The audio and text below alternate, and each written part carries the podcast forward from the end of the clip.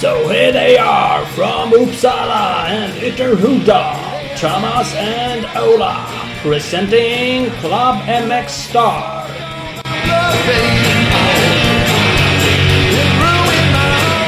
Oh yeah! Avsnitt två. Yes, yes, yes, yes, Podcast. yes, yes, yes. Hmm? Året är 2020.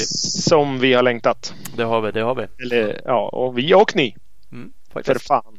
Glöm. Eh, kul gäst. Långt avsnitt. För att det är så jävla intressant. Väldigt långt avsnitt. Väldigt intressant. Vi hade, vi säger det i avsnittet också. Vi hade kunnat köra om det här i hur många timmar som helst. Det hade vi verkligen kunnat gjort. Kalle Bjerkert. Yes! Så blir man pissed att man inte får sina svar så då, då får man höra av sig så kan vi, för det säger vi också, då kan vi köra ett andra avsnitt. kör vi del två. Jag tror kan vi göra det. Nej, vi, för det, du var inne på det där som sagt. Vi, vi går ju ut med ibland att vi vill ha in lyssnarfrågor. Då brukar folk eh, ställa massa frågor i kommentarer på Facebook eller Instagram. Vilket är Mm. sjukt jävla kul. Vi älskar ju den här interaktionen. Liksom att folk eh, hör av sig med saker och ting. Ja, vi gör ju det här delvis för att vi tycker att det är lite roligt och delvis för att förhoppningsvis ni tycker att det är kul att lyssna. Så att, eh, och då är det ju ännu roligare om någon jävel är intresserad av det vi gör och orkar engagera sig och, och faktiskt ställa frågor. Mm. Ja men så är det ju helt klart. Inte vi bara gissa vad ni vill höra. Nej men precis. Så, eh, många av frågorna kommer ju faktiskt med. En hel del har vi funderat på själva och andra kommer med och ibland så nämner vi namnet på någon som har ställt den och ibland gör vi inte det och det där är nog bara Så det vi skulle egentligen vilja ha är en faktureringsadress tänker du? Precis. Jag tänker bara att ingen blir sur om vi nämner namnet på någon som ställt frågan och någon annan som vi inte nämner namnet på så är det nog bara att det passar inte in i sammanhanget eller man glömmer bort det eller det bara. Precis, vi sladdar lite. Eller den där frågan är svinbra men, eh, men den står redan med i vår researchmaterial och den sladdas förbi i farten. Liksom. Så det är no offense från våran sida. Nej, vi hoppas att man är mest glad att man får svar på frågan bara. Exakt så. Det. Vill man ha shoutouts då kan vi köra ett helt avsnitt med bara sitta och namedroppa ur telefonkatalogen. Precis, det kan, det kan vi göra. No problems.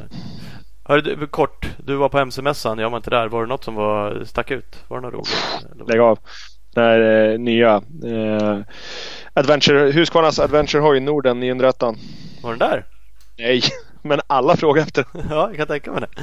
Det måste kunna stått någon prototyp där i något hörn. Ja, jag vet. De hade Ja, inte den fått dit den. Det, var, det är sjukt kul att den väcker så pass mycket uppmärksamhet men eh, sjukt, eh, sjukt frustrerande för folket i Husqvarna-montern att eh, 90 procent av frågorna får säga ja, nej men tyvärr den är inte här. Nej. Nej, vi vet inget mer. Nej, på den, den kommer eh, produceras ja, men vi vet inte när. Nej. Så att, eh, men nej, det var kul. Det var fruktansvärt mycket folk. Jaha, vad roligt. Fredag, fredag morgon så öppnade portarna klockan 10 och typ en minut över 10 då kom folk och sprang genom våra monter. Det var tydligen inte så intressant. Då bara skulle de in. Då var det ett jävla drag. Ja, ja. Så att eh, det var bra. Fredag jätte, jättemycket folk. eh, Lite högre medelålder. Lördag fruktansvärt mycket folk. Eh, Söndag var lite mera chill. Mm. Det var inte speciellt pratbar då heller. Eller pratbar var jag men det var, det var, då började man bli trött. Då hade det varit en lång helg. Då, då var alla bakfulla. Både Ja, mest gästerna, och gäster. eller deltagare och arrangörer och allt möjligt. Nej, det var bra. Det var, nej, men det var en eh, rolig helg och eh, inte supermycket news men eh, ja, det var, det var bra. Mm, mm. Gött, gött. Eh, Vi ska strax köra gäst men vi ska eh, tacka några av våra partners. Absolut, det ska vi göra. Mm. Vi har bland annat eh, fortsatt med oss eh, Scott eh, och börjar bli dags för ny hjälm. Om ni är sugna på det då tycker jag ni ska kolla in Scotts hjälmar. De har ju en 550-serie och en 350-serie. Båda hjälmarna har Mips, Brain Protection System och Conehead-teknologi. Så att, teknologi och grejer för maximal säkerhet. Så kolla in Scotts hjälmar på scott-sports.com. Följ dem också i sociala medier på Skottsport Sverige. Absolut. Mips är ju en bra grej. Där jobbar ju våran eh, nästan mest frekventa gäst Patrik Allansson nu för tiden. Han är eh, så att han, han ska vi ha med i ett Mips-avsnitt sen. Mm, absolut. Vi lära Det är oss- lära oss mer av svensk, det. Svensk teknik. Jajamän. Vi har Husqvarna med oss. De har precis som vi sa avslutat MC-mässan i Göteborg. Missar man att besöka dem där så uh, kan man följa dem på Husqvarna Motorcycles Scandinavia på Instagram och Youtube för att se en stor del av vad de visade upp på mässan och uh, lite heta news som de släppte precis i veckan innan där. Det, det, det ska man ha koll på www.husqvarna-motorcycles.com. Där finns alla produkterna och Husqvarna Motorcycles Scandinavia på Instagram som sagt. Jo men visst och vi har Speedstore med oss. Det är butiken i Valbo utanför Gävle eh, som fram till och med 31 januari fortsätter att ha en magiskt fantastisk deal. Eh, så köper du en Beta eller en Husqvarna, en ny, så får du hela 10 000 att köpa reservdelar eller powerparts för. Så att eh, kolla in nya bikar där. Just nu är det också så. Här ska ni lyssna. Framförallt alla kvinnliga eh, lyssnare. Bägge två. ja, precis. Men det kanske är någon som en sambo som de tycker ska ja, åka ja, hoj. Ja. De söker en kvinnlig ambassadör eh, som under 2020 ska köra en Beta RR200. Så att har ni någon intressant där så gå in på eh, speedstore.nu och kontakta Rickard via deras eh, formulär där. Och så följer ni dem på sociala medier på speed store. En liten tvåtaktare småkubikare. Det är ju, ja, har man lång, långt hår så skulle man fan söka ändå. Och korta ben. Ja, ja du ser. Ja. Så kan det vara. Big Balls MX. Där har vi Växjös, det är Växjös staden med de största ballsen. Big Balls MX Balls. Var det så? Ja, typ magiskt va? Ja, något sånt. Copy. Verkligen. Skönt glatt gäng och utöver det så har de allt man behöver för motocross enduro. Eh, no problems. www.bigballsmx.com och eh, Instagram så söker man på bigballsmx och så bara följer man alla konton som har med det att göra. Då kan man följa Jannis, lägga ut massa coola grejer. Han konstaterade att har en jävla massa följare. Chefen själv. Eh, på Instagram. Och så har de Big Balls MX memes. Magiskt. Det har han ja. In och följ. Hörru, ska vi ringa Kalle Bjerkert? Det tycker jag. Mm, då gör vi så. Ja, Kalle. Tjena, tjena! Hallå, hallå! Tjena, tjena! Tjena! Välkommen till Club MX Podcast. Tack så jättemycket. Tack så jättemycket. Härligt, härligt. Det var på tiden, säg. ja. Nej, det vet jag inte. Utan det, det, det ska bli jättespännande och hedersamt att få medverka. Ja, ja absolut. Jag tänkte på det också som Ola sa, det var på tiden. För det är så här, ja, fan, det har man ju hört talas om länge. Du har gjort saker före det vi kommer prata mycket om idag, Dakar-racet. Men, men, nu kändes det som att det liksom ändå blev en, ytterligare en grej som gjorde det. Nu jävlar. Nu kommer du inte undan ja, Nej, nej, precis. Nej, men det är väl så. Nu är man ju inne och tävlar mot både andra och tredje generationens eh, förare. Så man är väl eh, ålderman i, i gänget kan man väl säga. Och det, det roliga är att det konstaterade Thomas också. Sen insåg han i andetaget efter att fan, fan jag är inte så mycket yngre själv längre. Nej just det, nej men det är så. fan jag satt och tänkte det så här, men fan Kalle Bjerkert, fan det är lite gubbe över honom sådär. Så började jag googla lite och så bara helvete. inte många år emellan. Ja. Nej precis, nej det är så. Ja, ja. Så den ja. fick, fick, man skit för direkt. Jajamän. Mm. Så, så ska det vara, så ska det vara. Ja. Ja. Vi, vi, ska börja med några, några, snabba frågor bara som du ska få svara på. Ja. Eh, fullständigt namn? Eh, Karl Johan Bjerkert. Eh, ålder? 45. Eh, bor? Eksjö, Småland. Eh, uppväxt? Vimmerby, Småland. Sex mil ifrån Eksjö. Ja, du ser. Flytta en liten bit. Mm. Jajamän. Eh, familj?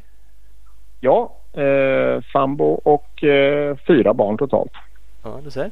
Eh, mm. Dold talang? Oh. ja, men jag är nog hyfsad på att brassa käk tror jag faktiskt. Ja, där ser du. Ja. Skönt. Ja. Då, bor, då bor du i Eksjö där eh, Kalle Lundstedt håller till. Så då eh, kanske vi får ja, ställa ihop någon eh, cook-off-duell där. För Kalle är också grym på att laga mat säger han. Ja, men det vet jag att han är. Så det, precis, ja vi får köra Mästerkock. Exakt. Ja, precis. Ja, där har vi någon utmaning. ja, ja jag kanske inte skulle ha sagt det. Nej, precis. Nu jävlar har du öppnat upp för en utmaning här. ja, precis.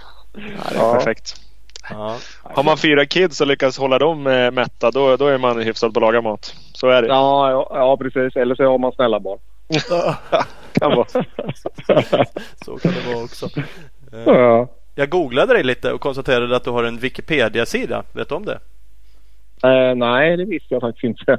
Nej, det, det är ju faktiskt inte så supermånga förare som har det som, som vi heter inte för att kolla igenom alla men det, det är väl eh, några stycken. Nu var den uppdaterad, hyfsat nyuppdaterad men 2016, det är några år sedan sådär. Eh, men det var lite kul information. Eh, ja, då har jag gjort något avtryck. Ja, men uppenbarligen. Någon har ju skapat den. Exakt, tillräckligt mycket för att någon ska lägga ner jobb och göra den. Bara det. Jag kan säga så här, Thomas och jag, vi har ju ingen. Än så länge. Än så länge, men det kommer. Man vet aldrig. Trots att jag en gång till och kollade upp hur man gör. Så jag tänkte jag får väl göra min egna då. ja, just det. Den är ja, liksom... Ödmjuk som vanligt. ja, ja, just det. Fakta, bara, äh, mig själv. Ja, just det. Mm. Längst ja. ner på den Wikipedia-sidan så står det i alla fall mm. så här. Eh, han är ett levande föredöme för rent spel. Genom att hjälpa en konkurrent i nöd och sätta medmänsklighet före egna sportsliga resultat har han visat en utpräglad känsla för god sportsmannaanda. Mm. Den är inte dålig. Och det var Nej, den, den är 20, 2016. Så att redan då hade du gjort något sånt. Och då tänker jag att det är ju den personen som har gjort din sida. Så någon du har hjälpt någon gång. Ja, ja det, ja, det kanske det är. Nej, men det var ju ett pris jag fick av det var ju Sportjournalisterna och Riksidrottsförbundet som, som har en Fair Play Trophy som det heter. Och det, det vann jag ett år då. Jag var nere i Lund under en Davis Cup-match och fick ta emot en Stefan Edberg. Jag hade haft den innan så han han eh, överräckte den. Nej, det gjorde han faktiskt inte för han hade slarvat bort den så han visste inte vart den var. Men, sa han lite försynt till mig. Men eh, det var han, tennisoraklet Björn Hellberg som var prisutdelare så det var lite festligt faktiskt. Ja, det, var ingen, eh, det, det, var en rätt stor grej. Det var ingenting. Det var inte peanut. Vad, vad hade det hänt? Var det någon speciell händelse eller? Ja, men det var en eh, SM-tävling. Om jag inte missminner så var det i Lerum där eh, Martin Lind hade kört, eh, ja, kört fast och han hade kört sönder sitt knä också och kom inte eh, bort eh, från det där kärret. Och så då, eh, äh, när jag kom ifatt så, så stannade jag, ställde cykeln mot ett trä och hoppade ner och slet upp honom och eh, så till så han kom iväg och kom i mål. Och eh, han, han, jag tror han slog mig med två poäng. Han var trea i SM och jag var fyra i SM det året. så, så det var väl det och det var inget, eh, det var inget som jag tänkte på utan det var ju så, så man gör. Eh, mm. Och, eh, men sen var det någon där som hade uppmärksammat det och, och, och sen uppmärksammade även eh, Riksidrottsförbundet. Där, så, så, nej, så det var ju, var ju fint att få, få, få den eh, utnämningen eller utmärkelsen var jättefint. Det är, det är väl den och sen eh, Novemberkåsan-segern som, som jag värderar högst faktiskt. Mm, ja, det, det borde det. Det kan jag tänka mig. ja, ja, ja. Det var ju grymt. Ja, det var kul. Det var jättekul. Det för oss ju lite in då på eh, Novemberkåsan om inte annat eh, när du säger det. För du har vunnit Kåsan en gång. Ja, en gång har jag vunnit. Mm. 28? Eh, Jajamän, på, på hemmamarker i Vimmerby. Så det var också, ja det var, det var, eh, det var stort faktiskt. Det, det var faktiskt i Vimmerby då, ja, första kursen jag bevittnade måste jag ha varit, eh, nu ska vi se om det var 89. Den gick i Vimmerby också. Och det var väl då egentligen, för då hade jag börjat åka endur och, och var ute där och kollade och tänkte att det här är hur coolt som helst. Så ja, men där så såddes det något frö om att eh, ja, dels eh, till en början då få, få köra Kåsan och det gjorde jag då 93 första gången. Eh, och sen så ja, så har åren ramlat på och sen kom det till Vimby igen 2008 och då kände jag nog att jag kunde nog vara med och, och blanda mig i eh, tätstriden åtminstone och tränar otroligt hårt eh, för att kunna göra det och sen så ja, lyckades jag till och med vinna. Så det var, nej, det var magiskt faktiskt. Ja, mm. det, det, kan jag tänka mig. Uh, vi fick en lyssnarfråga. Vi la ut på lite sociala medier. Uh, ja. Johannes Olsson, jag vet inte om det är någon du känner. Uh, han tyckte du skulle berätta historien inför Novemberkåsan där. Din farsa pappa hade ställt klockan och tvingat ut det på ett sista pass liksom. Och där ni på något sätt hittade sista feelingen för, för tävlingen. Ja, just det. Ja, ja precis. Nej, men det var så här att jag Eh, då bodde jag också i Eksjö men, eh, men eh, vi, min pappa och jag har haft företag ihop i många år då inom byggsvängen så vi hade firman om man säger så i Vimmerby och jag hade mina motorcyklar där för det var ju oftast där jag tränade och så. så. Ja, men jag hade haft en jättebra höst och med bra träning och gjort bra resultat. Jag vann en slätt och så var jag nog trea på Gotland och sen var det ju egentligen bara Kåsan kvar då. Det var ju den jag hade satsat allra mest på. Eh, det, det, som hände under Rena släppsloppet var att jag, eh, jag skulle köra Jag hade en dålig start så jag, jag, jag körde omkull lite så jag fick en eh, problem med nacken efter det. Så jag var väldigt stel och hade, hade problem. Så jag kände väl att jag inte hade fått träna så mycket som jag velat. Och sen så ja, Gotland sliter ju också på kroppen så jag menar det var inte mycket återhämtningstid där så jag kände att nej men jag, jag, ska, jag ska göra det sista. Så det var faktiskt eh, så det var faktiskt jag då. Så sista veckan där så tränade jag uh, rätt mycket och på torsdagen där så uh, tänkte jag på onsdagskvällen så sa jag, sa jag till min pappa kan du hänga med mig? Jag ska träna imorgon bitti. Ja visst sa han. Ja, klart. Han säger alltid ja. Så det, så, när ska vi dra liksom? Ja men jag är, jag är här. Jag är i Vindby vid tre på morgonen. Så jag. Så jag åkte hemifrån vid vid två på morgonen här från Eksjö och eh, ja, åkte upp och det regnade liggande. Och sen har vi Vimmerby ett ganska stenigt enduro träningsspår då som eh, Nej, jag sa jag kör här nu bara. Jag körde och körde varv på varv och bara bytt, var in och bytte eh, glasögon och, och tankade och körde igen då. Sen vid, vid kvart 87 där då liksom eh, då tyckte jag då var det enough om man säger så. Ja.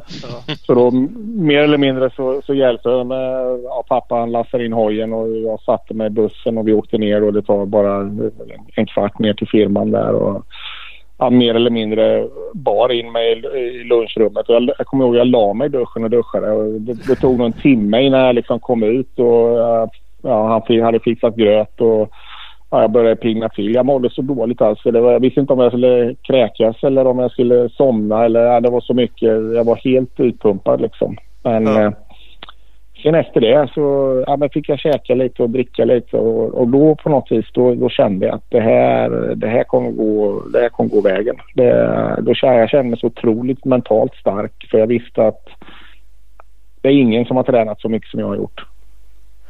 Nej. Eh, och det var, det, var, det var en skön känsla och sen hade jag den känslan hela, ja, men hela racet liksom. Jag hade inga problem sådär. Jag bytte någon transkåpa som sprack eh, och sen, nej men jag hade någon minut där, eh, fick redan på dagen och sen höll jag det hela tiden liksom och jag tog det lugnt. Eh, även, eller lugnt, men alltså jag höll mig lugn rättare sagt på natten och jag vet ens sträcka där, det var nog sista nattvarvet, första sträckan så startade Jocke och jag ihop. Eh, och så åkte, jag tror han drog iväg först och sen eh, tror jag, jag, eh, jag kom ifatt och om honom lite och sen ja, efter halva sträckan där så hoppade kedjan i ett spår. Jag bara nej. Och då kom Jocke och åkte om och då var det liksom kanske bara 5-7 kilometer kvar till målet där och jag såg hans baklyse försvann och jag bara nej. Uh, men jag, fick, jag tänkte, jag fick på kedjan där så bara bestämde jag jag ska vara fatt honom innan vi är i mål. Och det, jag var nog en sekund eller något efter in i mål. Ja. Uh, och sen var det bara en liten, liten kort transport och sen var det en jättelång sträcka till och in eh, som var väldigt stenig och blöt och ja men det var mycket, ja det var riktigt småländsk terräng. Så jag kommer ihåg, eh, vi åkte fram, eh, ja, vi startade tillsammans där med då. Och då sa han till mig, eh, Kalle du kan åka först nu den här. Ja jag ska åka först så jag. och då tänkte jag nu ska det, nu, nu, nu ska, ska det åkas. Och jag vet i början var det jätteknöggligt med lite hällar man skulle upp för och lite sänkor med vatten och ja, men, stenigt och brötigt och sådär riktigt och lite kalhygge man skulle ut över. Så det var, ja, men det var riktigt så man fick ta i eh, fysiskt jättemycket. Och, men jag tänkte, jag ska inte kolla bak. Nu är det bara framåt som gäller och jag körde på och ja, men till slut så... Jag såg inte hans ljus där och jag tänkte nej, jag bara... Jag, jag tog i så mycket jag kunde hela vägen in där. Jag tror jag, jag tror det var en minut och 17 sekunder eller något före. Jag, när jag kom i mål så jag ville bara lägga mig ner och dö för jag var så trött. Men, men, nej, men det var en skön känsla på något vis där. Då kände jag, ja men för Jocke var ju även då liksom det, det stora hotet. Ja. Eh, så ja, efter det då, då var det, jag tror det var två eller tre säkert kvar. Så då, ja, men då kändes det, då kunde jag åka lite mer avslappnat igen. Så, men nej, det var, det var en härlig tävling, verkligen. Eh, kommer jag aldrig glömma. Nej, det förstår jag. Ja, det kan man förstå. Den, Ja. Det är speciellt. Det har vi sagt många gånger. Vi har ju lyckats åka. Nej, Ola har i och för sig kört en jävlig men eh, vi har tagit i mål i den enklaste någonsin. Så att aldrig riktigt fått uppleva det, det där köttiga liksom och känna enorma glädjen av att ta sig i mål i en Kåsa. Eh, Nej, det är ju häftigt oavsett liksom för det är mycket körtid och långt och eh, stökigt sådär liksom. Men, eh, Ja, men det finns inga lätta kåsor oavsett. Jag menar, är det liksom inte surt eller bökigt så, så blir det att man har ett högre tempo. Så jag menar, man blir trött ändå oavsett. Eh, det, det finns ju de, alltså vi har Bure runt grejerna. Vi- och en del som var då på, på 90-talet och början på 2000-talet där som var helt eh, Ja men det var ju liksom bara bära runt grejerna i stort sett och sen har vi åkt som i Värnamo när det var jag menar 5-10 minus och ganska hårt i backen och ingen snö som, som det rullar lätt och även uppe i eh, söder om Uppsala, vad heter det? Vi körde för några år sedan. Knivsta. Eh, Knivsta ja. Men jag menar, det blir ändå jobbigt för då eh, har man ju en högre intensitet hela tiden på sträckan. Så det, det, det är både och. Tycker jag. Jo. Det, sagt, Så, det är inget så är det lite. Nej men så är det. Så är det. Eh, då åkte du Honda. Hur länge åkte du Honda? Det var rätt lä- många Eh, år va? Ja, det gjorde jag. Jag körde ju, nu ska vi se, från 05... Och 06, 07, 08, 09, 10, 11, 12 tror jag. Ja. Så det var ett Ja. gäng år där jag åkte Honda. Ja. Eh, med Johansson där. Det var, det var riktigt, eh, riktigt roliga år och jag menar Jocke är ju professionell ända ut till fingerspetsarna. Så det, det, var, det var riktigt bra. eh, Vi var ett bra gäng och eh, Jocke är en härlig kille så man blir dras ju med i hans energi och glädje bara man ser honom. Så det, var- nej, det, var, det var kanonbra, verkligen.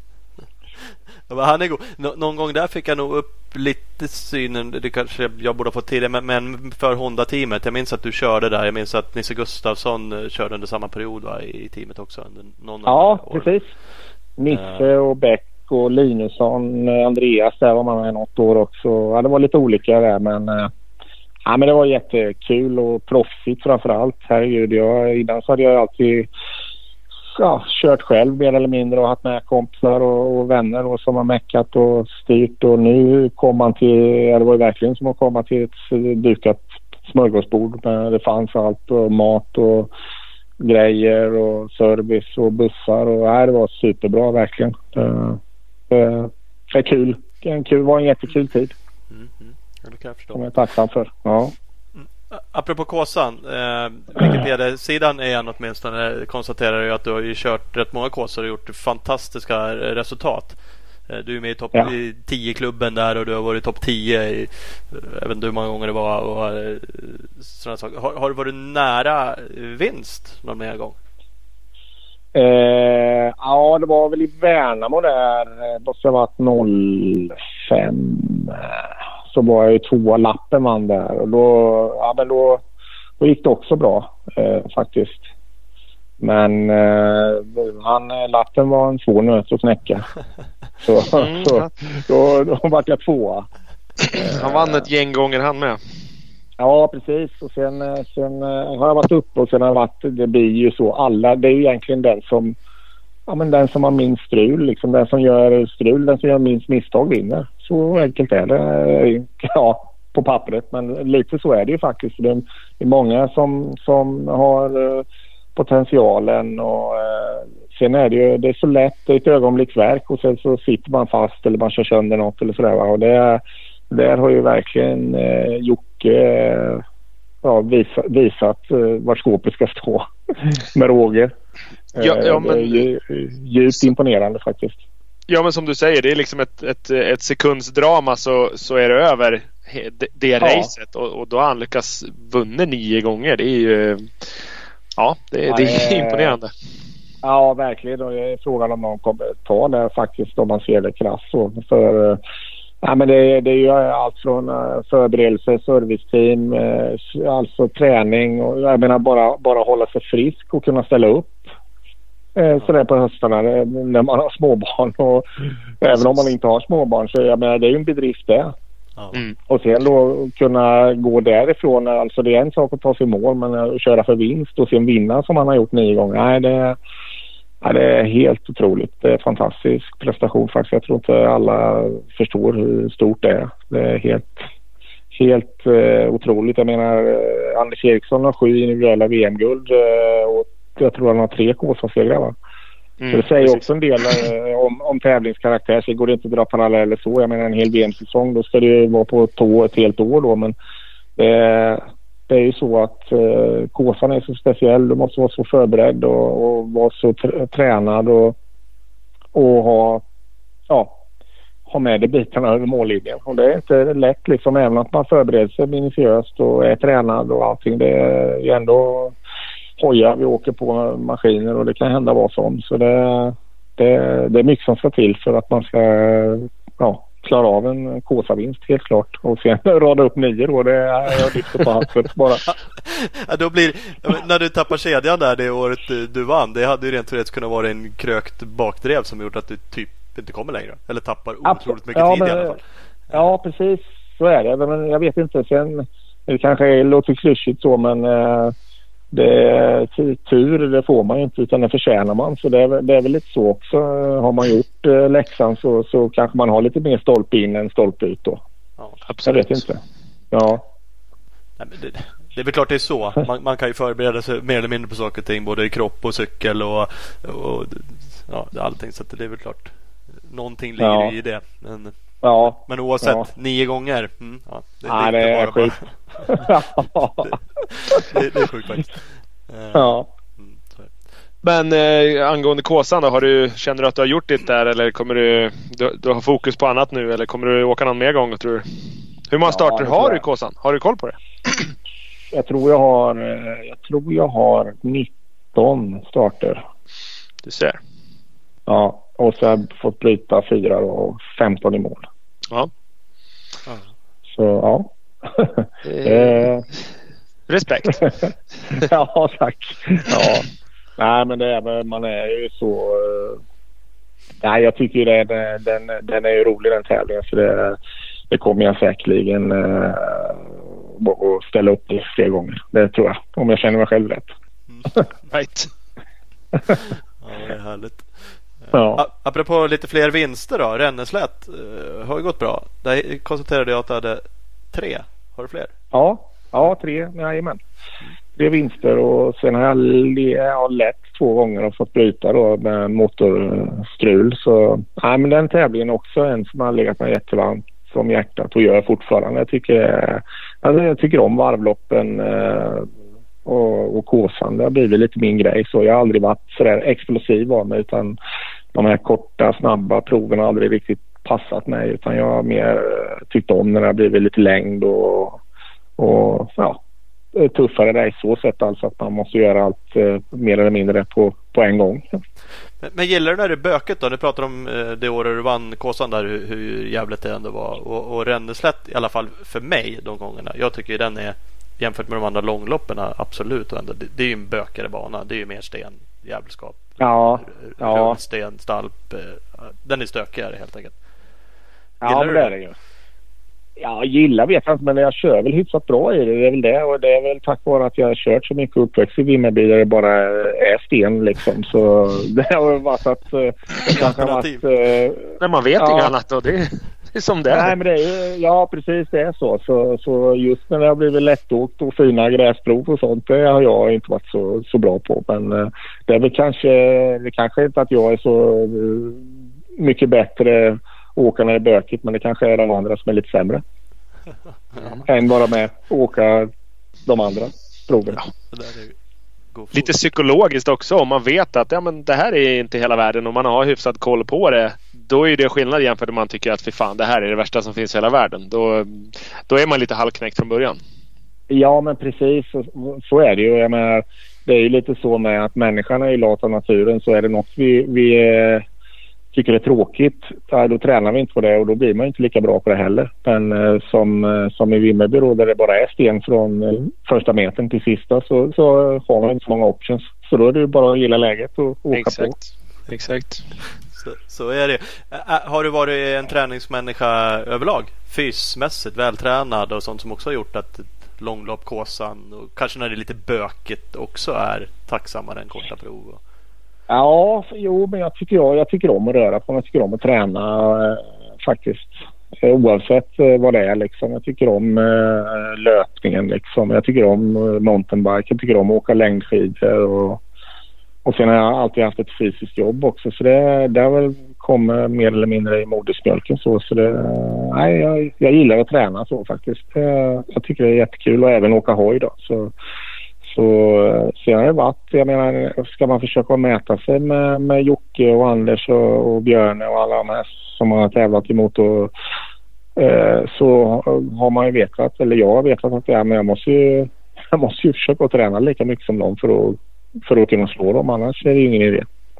Så det, ja, det kommer naturligt faktiskt. Jag, jag har aldrig sett det. Jag har sett fram emot träningspassen och tycker, ja, men jag tycker fortfarande det är jättekul att träna. Nu kan jag inte träna lika mycket för jag måste ha jag, i och med att jag, om jag jämför nu med 25 så, så har jag betydligt längre återhämtningstid mellan, mellan passen. Men jag tycker fortfarande det är jättekul att träna och röra på mig. Så ja, det, då mår jag bra. Ja, Det är Det är en förutsättning, eller det är en förutsättning är det inte men det är, det är, det är en, eh, en fördel bara det där. Att, att tycka att det är kul att träna så går det ju jävligt mycket lättare. Ja, men precis. Och sen jag tror med att eh, det gäller, i alla fall som jag när jag ja, är lite äldre då, eh, hitta lite nya träningssätt och lite nya saker att träna på. Och, ja, men då tycker jag då är det, då kan jag gå in helt prestigelöst i det och, och testa då och, och göra det liksom. Så det, jag har börjat simma en del nu. Jag tycker det är jättekul. Och, jag menar, hur smidigt är det inte att simma ett par brallor och en handduk och sen, eh, sen är man ju ren också när man kommer tillbaka. Det är ju liksom hur enkelt som helst. Ja, Ja. visst. Även att man eh, blir eh, ifrånsimmad av de här blååriga tanterna som kör bröstsim bara. Man undrar vad det är frågan om. Nej, men alltså det, jag tycker det är kul att lära mig nya saker. Och simningen tycker jag ja, men är, är skön och Ja, men det, är inte, det sliter liksom inte på muskulaturen utan det är ganska mjuka rörelser men man blir, bara får puls ändå när man eh, försöker att kråla lite och sådär. Så det tycker jag är, ja, en liten ny, nytändning i träningen. Ja, ja. Jo men det behövs ju absolut så det är kul att hitta någonting sånt man kan Ja. nö- nöta på lite med. Ja, men precis. precis. Eh, nu, Wikipedian igen om vi ska gå tillbaka till den. Men överlag eh, Ja. det, det jag försökte kolla upp. Jag hittade inte så mycket SM-resultat. Det stod ingenting där. Jag gissar att du har eh, kört några år i SM också med tanke på hur mycket hoj du har åkt. Ja, men det har jag gjort. Det har jag gjort. Eh, Jag har, jag har väl ett par medaljer. Något silver och några brons tror jag. Mm. Eh, och sen... Ja, så har det varit lite femte platser och sjätte platser och sådär. Men eh, några, några medaljer, inget guld dock, men eh, några medaljer har det blivit Mm. under åren. Ja. Nej, men jag vill minnas att du för några år sedan sa att du eh, ja, men du klev tillbaks lite från SM och, och fokuserade lite mer på typ varvloppen och Kåsan och sådär. Det, det, det var för att du kände att det var lite mer din grej. Ja, men precis. eh, Det, det var det. Och sen var det... Ja, det gällde att få ihop livspussel med, med familj och hus och egen firma. Och, ja, men jag kände att tiden räckte inte till riktigt. Och, och eh, jag kände just då att eh, just SM-tävlingar började ta allt för lång tid. Jag menar, det, helt plötsligt så tog det nästan eh, fem dagar att åka en SM-tävling då för man skulle vara där innan och gå prov. Och, Sen kanske det Precis. var två dagar där och ja, transport. Man skulle vara ledig på fredagen. Eh, och kanske åka på torsdagen och sen så skulle man ta hand om grejerna när man kom hem. Då, så det gick halva måndagen också. Så, ja, men jag kände att det, det tog alldeles... Det var för mycket bussåka och för lite hojåka om man säger så. Mm. Eh, och då kände jag att ja, men varvloppen, eh, dels så låg de mig varma om hjärtat. Och, ja men det är, eh, jag menar som till Ränneslätt kan jag ju åka ut eh, på fredagskvällen och kolla starten hur den ser ut. Sen, sen har vi ändå tre timmar att åka. Det är inte så Lära sig att kolla på. Ja men jag menar det. Det är ju inte så. Varvloppen i sig, det är, det är inte så mycket att kolla liksom. Och jag tyckte att nej, men det passade mig bättre. Och likadant Kåsan. Visst, eh, man kan ju gå och kolla i kärr och grejer men just till Kåsa så tycker jag det är bättre. Och att har man bara förberett sig innan så behöver man inte gå och kolla speciellt utan eh, det, det tar man när det kommer istället. Mm, precis. Det är eh, roligt att du säger det. Vad, vad, jag antar då att du tycker att den här nya regeln på SM är, är ett steg åt rätt håll. Att, eh, att det faktiskt eh, att man inte får gå hur tidigt som helst. Ja, jag tycker det är helt kanon faktiskt. Det, ja, men det, det, då, då, nej, men då blir det lite mer på, på lika villkor faktiskt tycker jag. Så det, det tycker jag. Jag varit jätteglad när jag läste det faktiskt. Så det var nästan som jag varit sugen på SM igen. nej, så det, ja, men det tyckte jag var helt rätt för då, då behöver det liksom inte bli så att man ska åka ut på tisdagen och börja gå. Ja, men det är ganska bra att det är lika villkor och det blir ju till viss del men en ekonomisk tidsgrej. Det ligger lite ekonomi i det också. att Folk behöver inte stressa eller ta ledigt eller inte vet jag sjukskriva sig från EG på fredagen. Utan det, det, blir, ingen kan åka dit innan. Utan... Nej, ja, men jag, tycker, jag tycker det är kanonbra eh, faktiskt. Och sen skulle det också vara lite baninspektör. Jag skulle åka innan då och kolla. Och, ja, men det är ett, jag tycker det är ett jättes steg för sporten i sig. Det, då, då bidrar det... Nu har vi ju superbra arrangörer här i Sverige ändå på alla, alla tävlingar tycker jag. Så det, men det är ändå så att vi kan förfina allting alltid och då, då får vi ju mer intresse för sporten, mer utövare och sen ja, mer folk som vill synas bland oss än du åker och det är bara positivt. Att det kommer in lite mer eh, sponsorer och mer pengar. Det är mm. klart. Mm. Ja men så är det. Och det är ju faktiskt inte värre än att eh, om det nu är värdelöst det här. Av någon anledning så går det att ändra tillbaka det. Man måste ju ibland prova lite saker också. Och, eh, det kan ju ja, gälla sånt här. Det ändrar formatet eller saker. Man kan tycka det känns skit B till att börja med. Men sen kan det ju bli bra. Och det vet man inte förrän man har testat. Precis. Nej, och det, det, ja, men jag tycker det är innovativt och bra. Så det, det tycker jag, det applåderar jag verkligen faktiskt. Mm. Är du engagerad annars? Du, du har ju varit med länge. Är det, ställer folk frågor till dig eller har du varit engagerad i någon klubb eller Svemo eller något sånt där? Eller är det ingen som bryr sig att du har hållit på skitlänge eller? Nej, inte, inte, inte så. Jag, jag hjälpte södra distriktet här lite innan med lite träningar och sådär och sådana saker. Men annars så kör jag, jag håller ju på, jag har ju ett ett nytt eh, bolag, Bjerka, där, där jag kör både ja, träning eh, både på, på och av MC och även coaching då. Så, eh, lite sådana saker och föreläsningar och det tycker jag är kul. Liksom. Så det är en del klubbar och föreningar och privatpersoner som, som hör av sig som jag tränar och föreläser för. Och, ja, men det tycker jag är kul. Så jag tycker det, ja, det är kul att kunna eh, ja, bjuda tillbaka. Och, jag menar, har jag någon erfarenhet och jag kan hjälpa någon så de slipper göra samma misstag jag har gjort så, så är det bara fint, tycker jag. Ja, och det har du ju garanterat. Det där har vi tjatat om förr och man tycker ibland det är konstigt att inte folk frågar. För det finns fler förare som säger så nej men det är typ ingen som frågar. Det är ingen som bryr sig. Det är ingen som... känner man så fan vad underligt liksom. Det är. Ja.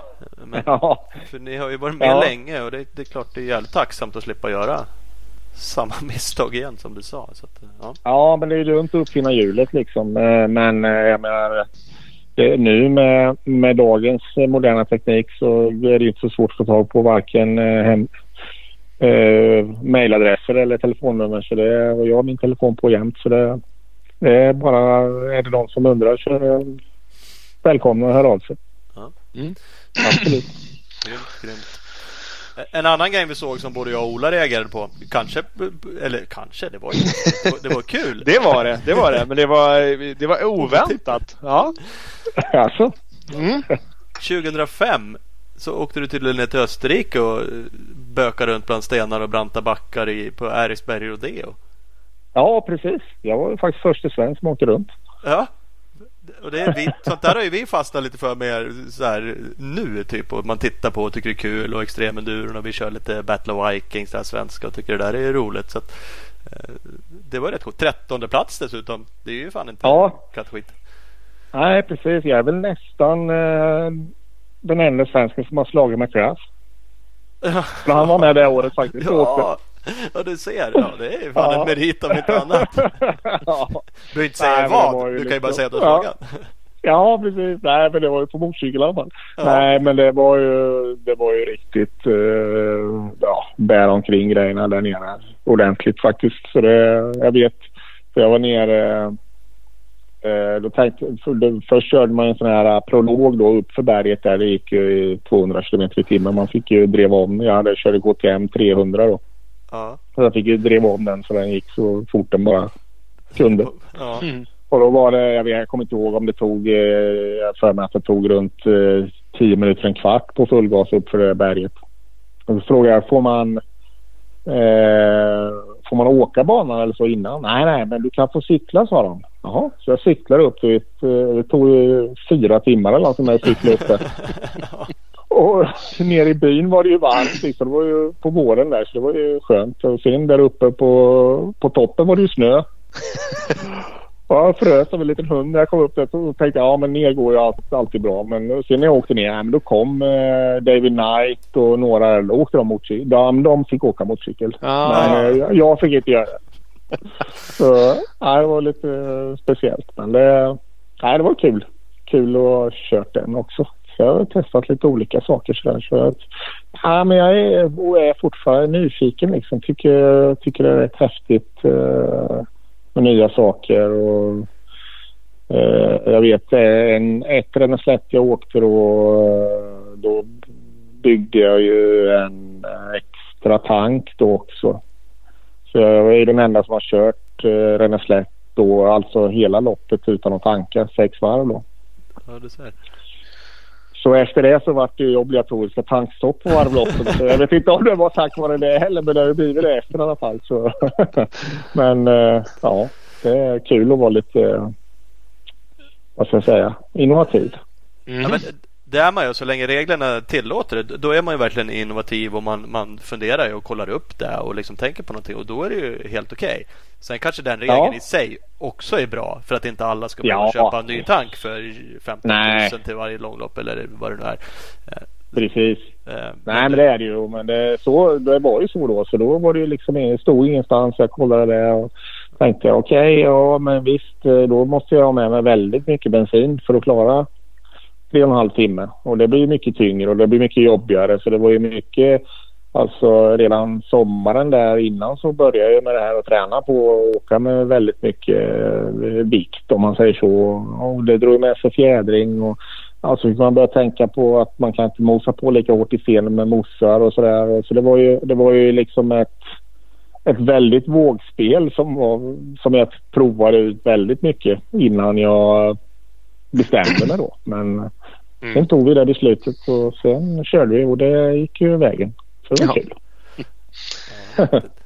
Eh, Har du varit en sån också då? Eller det, det hör man ju att du har varit som, som testar mycket. Och är du nere på eh, detaljnivå? Är det liksom ett, ett skims där och ett klick och eh, millimeter feeling på allting? Eller? Nej, inte så jättemycket. Sen vet jag väl, som fjädring så vet jag hur jag vill ha det. Och det testar vi mycket. Och nu, nu innan eh, när jag åkte KTM och så, då körde vi med Lin. Så sen har ju Jonas eh, Blom hjälpt mig i många år med fjädring då. Så vi testar mycket fortfarande. Och, och Filip har han ju också nu som testar mycket.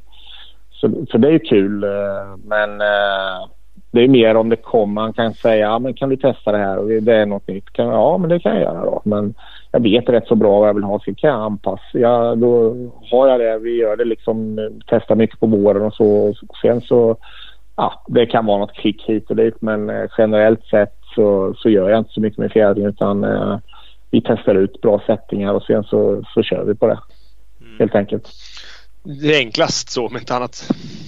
Ja, men det är ju det. För det tar ju otroligt mycket tid också just med testing. Och det, det är ju lite, det tar ju tid från själva träningen. Så, eh, men eh, nej men det, det är både, både och alltså. När vi testar mycket och sen så hittar vi en setting som vi tycker att men det här det funkar liksom bra och då, då kör jag på det sen.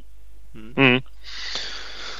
Ja, men det är ju, vad ska jag säga, det kanske inte är hundraprocentigt men det är liksom vettigt nästan överallt istället. Ja, men precis så är det. Ja. Sen just till, till varvlopp och sånt och, då, och speciellt som till Gotland där, då kan man ju göra den mer eller mindre cross, crossinställd. Eh, för det går ju så snabbt där och det är ganska slagigt och så. Så det är ju mer likt en lång crossbana. Så det är väl lite till sådana ställen och just till kåsor om man vet att ja, men det kommer bli...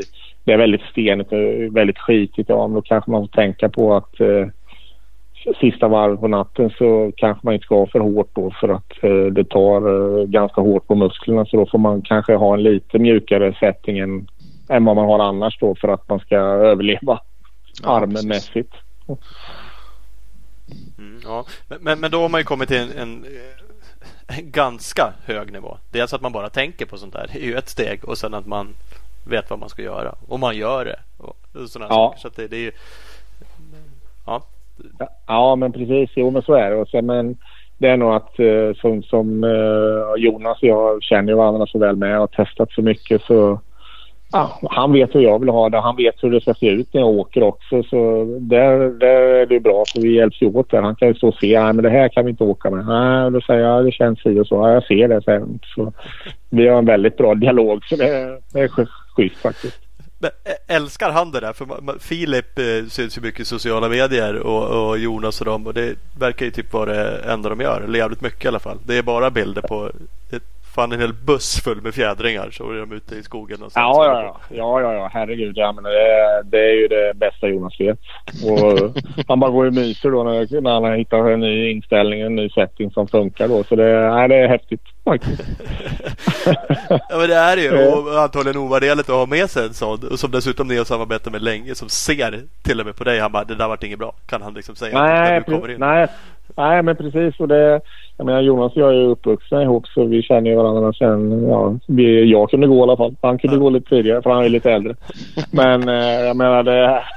Nej, så det, det är skönt att ha eh, ja, hela familjen Blom där i ryggen. Ja. Faktiskt. Det, det är perfekt. Det är supersupport. Härligt, härligt. Ja. 05 såg vi en annan grej. Då verkar du ha varit över i USA och kört lite också. Precis. Jag fick möjligheten där med KTM åka över och sen köra. Jag körde tre deltävlingar i det här GNCC då. Okej. Så, så det var, nej, det var riktigt häftigt. Och det var ju en uh, Sal, Joa Salminen var ju där. Han var ju riktigt kung. Och även Shane Watts, den gamla australiensaren. Mm. Så nej, det, var, det var häftigt att testa deras eh, varvlopp eh, och ja, hela the, the American way så sett. Men det var mycket, ja, det var som i supercrossen, big rigs och de, det första de rullade ut var någon stor grill då så de kunde grilla åt eh, personal. och kylbägar med kall dricka. Det, Ja. det var det första som lastades ut på tävlingsplatsen. Yankee Så- style på allting. Ja. Ja, men det var det. Det var det. Så, eh, nej, men det var, det var jättekul och jag menar, det fixade ju KTM Scandinavia där med ja, Anders Svarbäcken. Och, eh, ja, så jag fick möjligheten att åka över. Så det var, det var riktigt kul faktiskt att, att få testa det. Hur gick det då? Och hur ser det ut? Kollar du idag? Är det, är det samma bana man kör på? Eller motsvarande i alla fall? Det är samma upplägg, liksom, samma typ? av Ja, det är det. Det är det. De har ju två olika serier. En Works heter den. Den går ju då på eh, ja, eh, västkusten och sen åkte jag GNCC, det är på östkusten. Mm. Eh, och skillnaden där är väl att den här Works-serien är ju 70% ganska motocrosslikt och 30 enduro och GNCC är tvärtom så det är ungefär 70 enduro och 30 cross. Mm. Så det är, ja, den GNCC liknar väl kanske ja, en blandning mellan Gotland och Stångebro lite så. Ganska mycket snabbt men sen så gick det in mellan träden så, så det var ju så styrigt inte emellan. Det märkte man ju efter en stund. Det, man fick väldigt blåa naglar. Det var, var inte Börjesson som sa att de kapade styrorna där? Jesper? Ja, Jo, precis. Precis. Han har ju varit nu på fredag. Ja, jajamän, det är det. Och de är livrädda för att ta ner träd. Även om de bara är som en eh, pekfinger i tjocklek. Det får stå kvar. De ska stå där liksom. Sen får du Ja, modifiera ja. bara. Ja. Ja. Och sen var det lite så. De hade ju de hade inte så mycket bandat men det var pilat då. Men sen eh, liksom varv två då började alla åka fågelvägen liksom. Så det, jaha, det liksom. Det, jaha, det är genom 400 meter. Okej, vi skulle inte åka här då grabbar. Det vi åkte förra varvet. Utan nej, vi Där åka där. pilarna sitter. Ja, så det var liksom eh, lite sådär. Men eh, det var ju the American way helt enkelt. Ja, men det sa ju Jesper också att det var ju en, en djävulsk fördel för de som hade varit och åkt där förut. För de visste att ja, här, här svänger det höger men om man skiter i det och så, då kommer spåret tillbaks igen sen. Ja, precis. Ja, men det var ju lite så. För man kunde ju åka några slingor och sen bara var det helt rent. Det var inte en käft. och sen så åkte man om samma förare igen. Det var ju Ja. jobbigt. Men eh, ja, det... Nej, men det var, det, var, det var kul att få chansen att åka över och testa faktiskt. Det var, det var jättekul och lärorikt. Mm. Fanns det Verkligen. någon målsättning när du åkte över liksom? Nu kör jag till med en styrning här i Yankee liksom och bara grillar. Ja, ja, ja precis.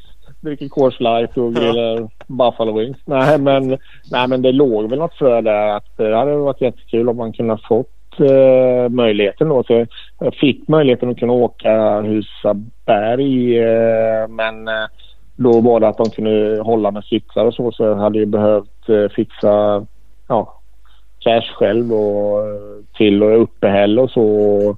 Sen var det svårt. Eh, jag, trodde det skulle gå på. Skulle man få ett sånt här sportvisa uppehållstillstånd då så Ja, jag tror jag skulle ha 300 000 då med, ja, lagligt om man säger. Jag vet en del åkte ju och så var de i tre månader så åkte de över till Europa någon vecka eller något och tillbaka. Och, men då hade vi eh, fått barn med och så jag kände att nej, men eh, det var ju inte, jag var ju tvungen att kunna försörja familjen då också. Så det, det blev lite så att det rann ut i sanden. Så. Mm. För det, det var inte genomförbart rent ekonomiskt egentligen. Det var det det handlade om. Ja, Men eh, tanken fanns. Ja. Ja. Det, är- det är en jävligt cool grej jag har gjort. Om inte annat. Det går inte att komma Ja, ifrån men det är det. Nej, nej, men det var jättecoolt. Och det var ju ena racet var ju det när Daytona Bike Week var också. Så då var jag inne i Daytona och tittade lite. Så det var rätt mäktigt att se både den här där de kör Indy 500 och ovalen. Och, och sen var det ju bara motorcyklister i hela Daytona. Så det var häftigt faktiskt.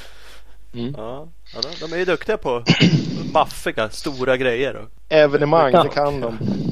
Ja, det kan man verkligen. ja, det är lugnt. Ja. Eh, vi- vi ska glida över på Dakar-äventyret men men vi kan väl snudda också vid eh, Har du kört mycket internationellt annars i Europa? EM, VM? eh, Den... Ja, ja men det har jag gjort. Det. Jag började, jag körde första VM 93 och sista 2009. Mm. Eh, så jag har kört... Stycken. Eh, ja, ja, precis. Jag har inte kört. Jag har inte fått ihop någon hel VM-serie så. Eh, ja, det har också varit liksom rent ekonomiskt. Det inte varit eh, genomförbart då. Men eh, jag har kört, eh, ja, men jag har kört ett gäng eh, faktiskt. Mellan de åren så körde jag något varje år kan man säga. Mm. Ibland åkte jag kanske Sverige-Finland, ibland åkte jag ja, Spanien, Portugal, Italien, Frankrike och, och så om det var i Sverige och Finland så jag de med då. Men. Det var väl egentligen nå- 98 åkte jag hela EM-serien då så då var jag tvåa där. Mm. Eh, för då var det inte så många deltävlingar heller så det var lättare att få ihop det rent. Men eh, enduron, eh, VM just har ju varit Spanien, Portugal, Frankrike, Italien eh, och sen kanske det har varit och eller ja, då har det liksom hackat upp sig på det då när de har kört. De körde USA och Kanada några år också och då det var ju liksom inte aktuellt. Och Brasilien var de ju också i och drog. Precis, mycket, mycket långa resor.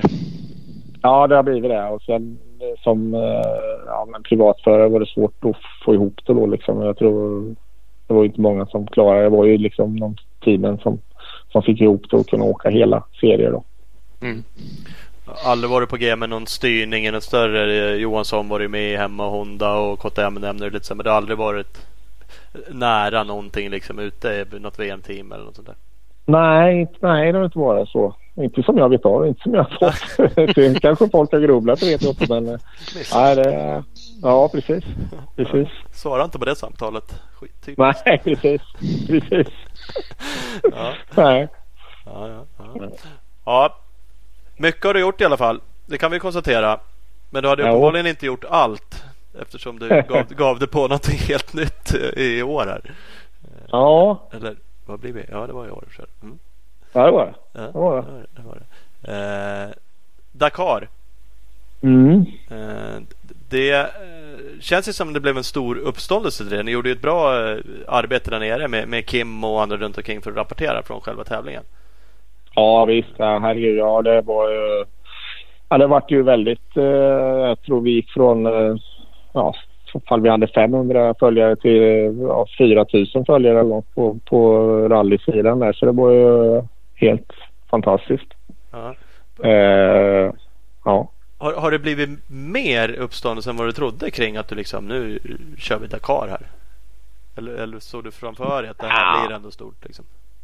Nej, det gjorde jag nog. Jag tänkte nog inte så riktigt utan jag tänker att det här gör ju vi för vår skull liksom. vi, den inre kärnan då. Det var ju egentligen Magnus Flodig och jag då som har MX World.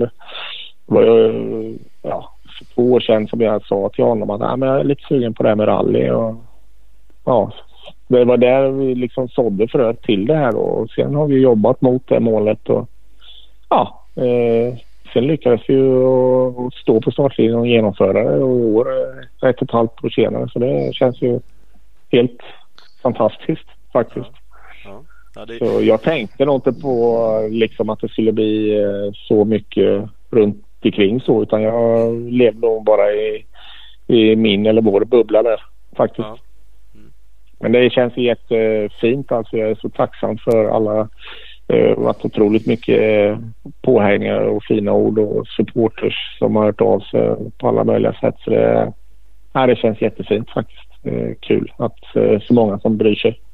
Ja, för man har ju sett det. Det har ju varit extremt mycket kommentarer och delningar. Och som du säger, jag såg ju också hur den liksom bara exploderade den sidan du hade. Och där är ju väldigt många som skriver och tycker att det var så jäkla kul att följa. Och många som inte har följt det förut och blivit intresserade. Och, eh, det är ju häftigt Ja. liksom när det kan dra igång någonting sånt där. Och det är ju såklart det är någon form av patriotism också. Man blir ju glad. Jag tittar ju mer på det också än vad jag har gjort någonsin liksom, och följde det där för att det är kul. En svensk liksom. Ja. Det är ju häftigt.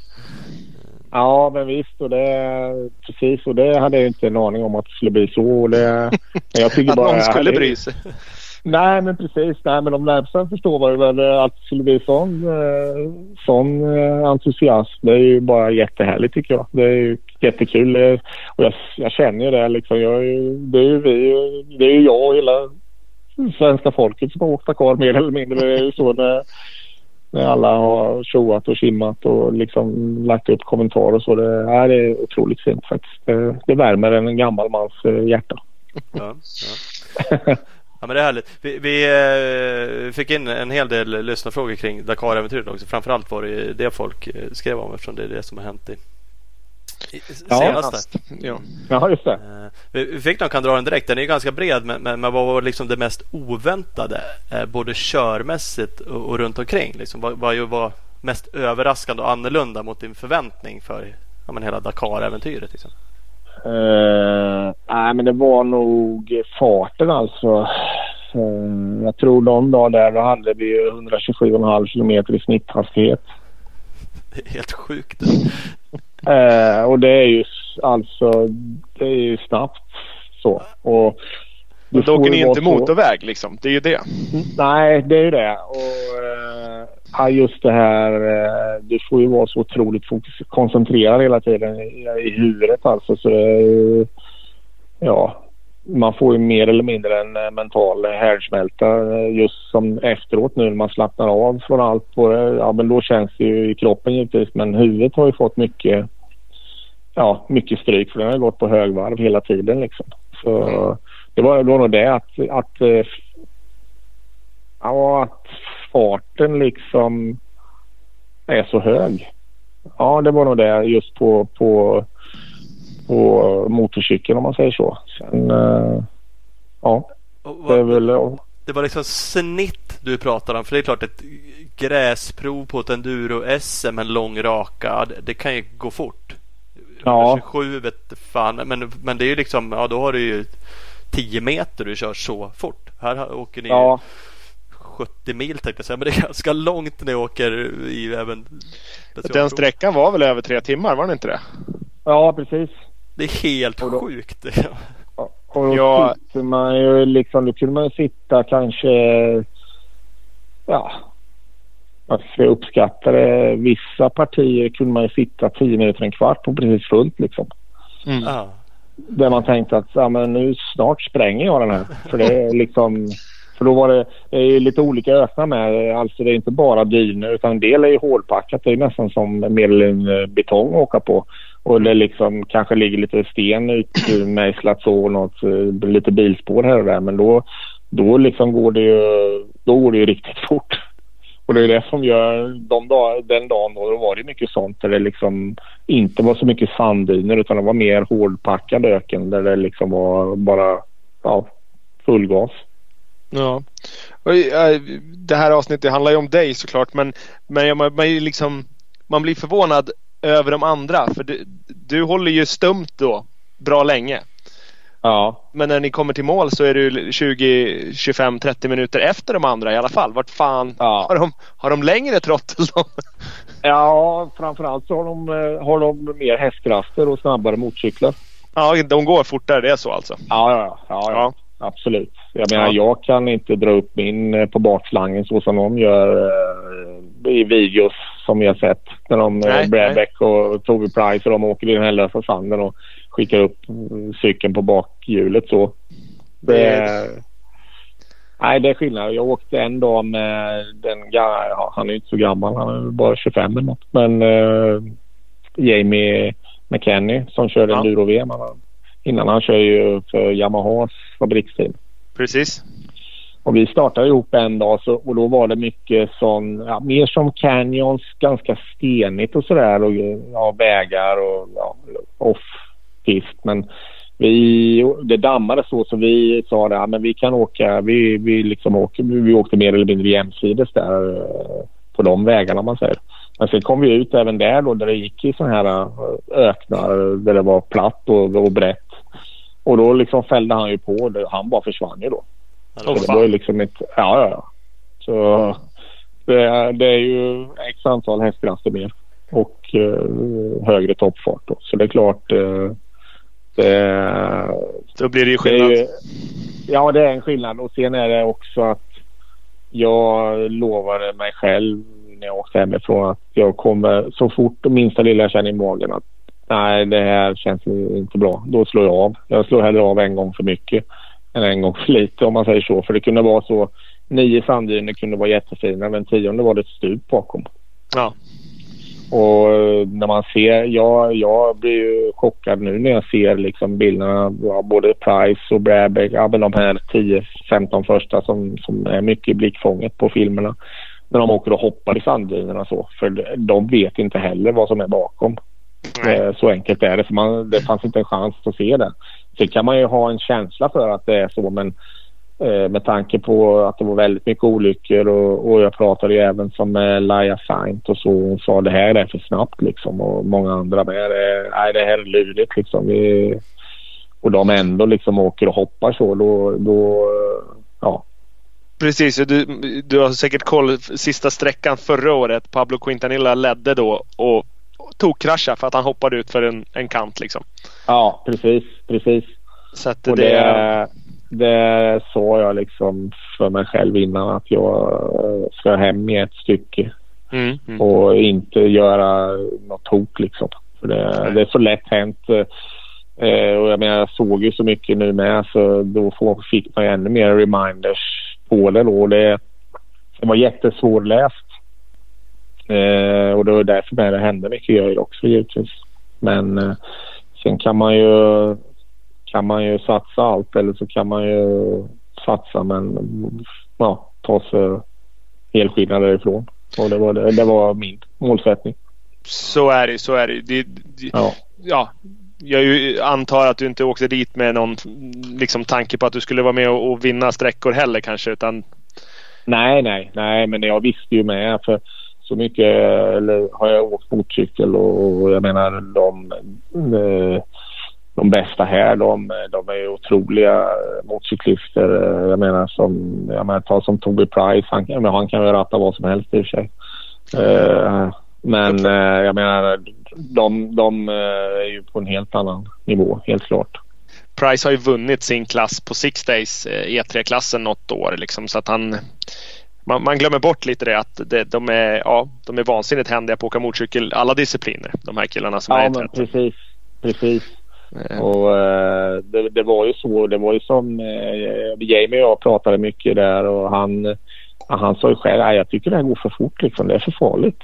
Ja, men ja. jag sa det att uh, ja det är det så jag. Det är helt klart men liksom jag verkligen sa det att liksom take it easy. Vi ska hem också liksom. Ja, fan det ska vi då. Sen, eh, men sen så kom han på det för han var väl, jag tror han var sjua då, sista dagen eller femma till och med. Jag menar, men det är ju samma där. Han är ändå en, jag menar, jag vet, han har väl vunnit VM i enduro med va? Ja, vann inte han junior-VM? Ja, så jag menar att han kan åka motorcykel det råder ju inget tvivel om då. Nej. Men eh, det är ju så att det är så, det är så speciellt med rallyna och det är sådana farter och det ja, det krävs mer erfarenhet av just den disciplinen för att man ska ja, bli mer eh, ja, bli snabb då. Men eh, mm. det, då måste man ju åka mer med och jag har inte åkt så mycket som dem så då, då kan man inte eh, ta på sig en för stor kostym. Utan för mig var det se och lära nu. Så är det. Så är det. Men eh, ja, och när man höjer farten så där då blir marginalerna mycket mindre. Ja visst är det så. Visst är det så. Det, Helt klart.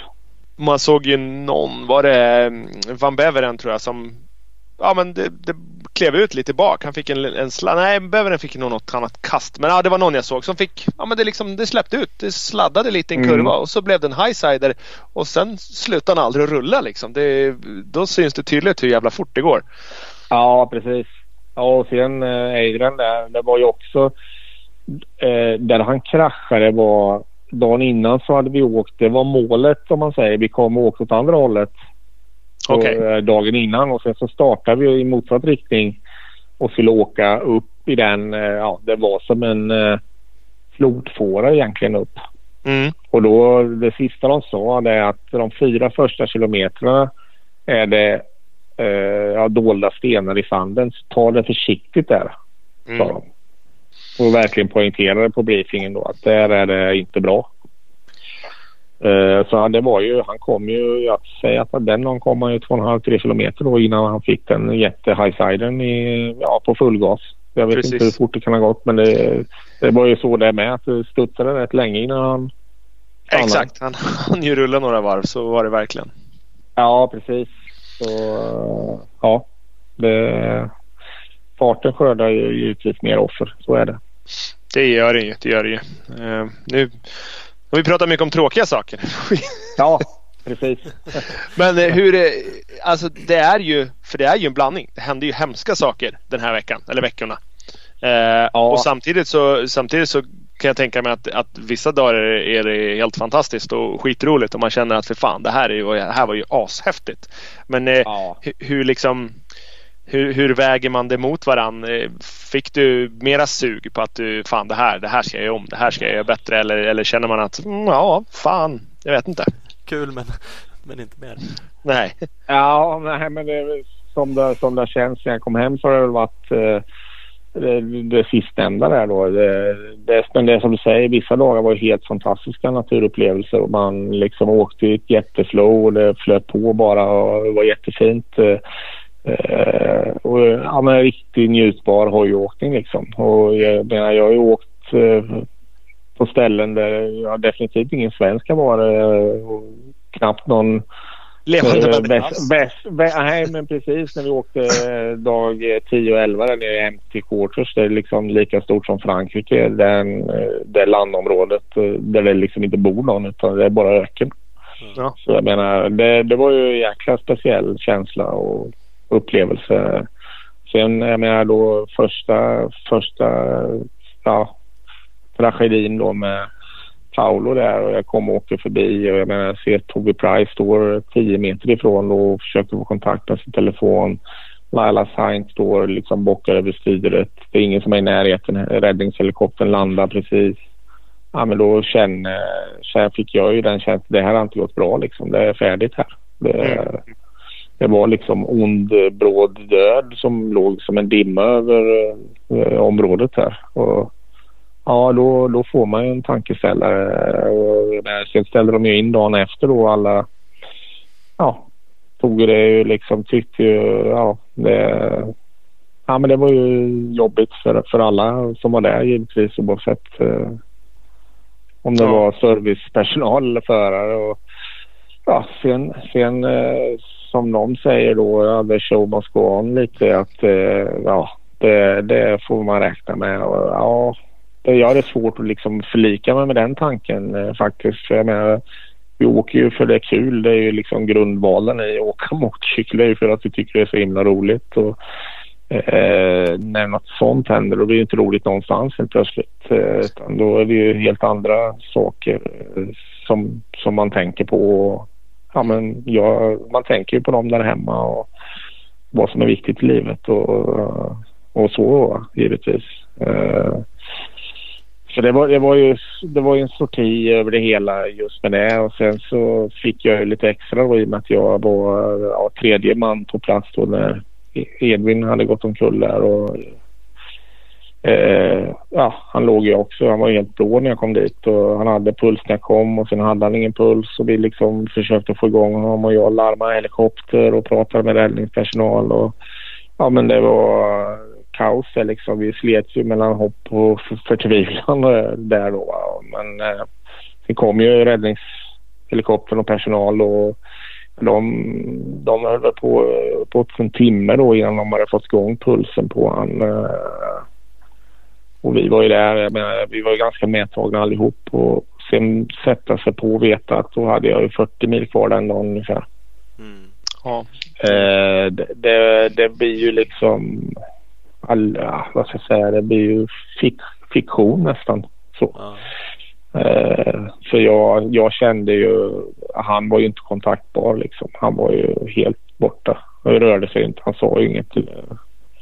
Och liksom hade blånat hela ansiktet och man, man liksom mer eller mindre känner att här ligger en, eh, en kompis och dör framför ögonen på mig. Det, mm.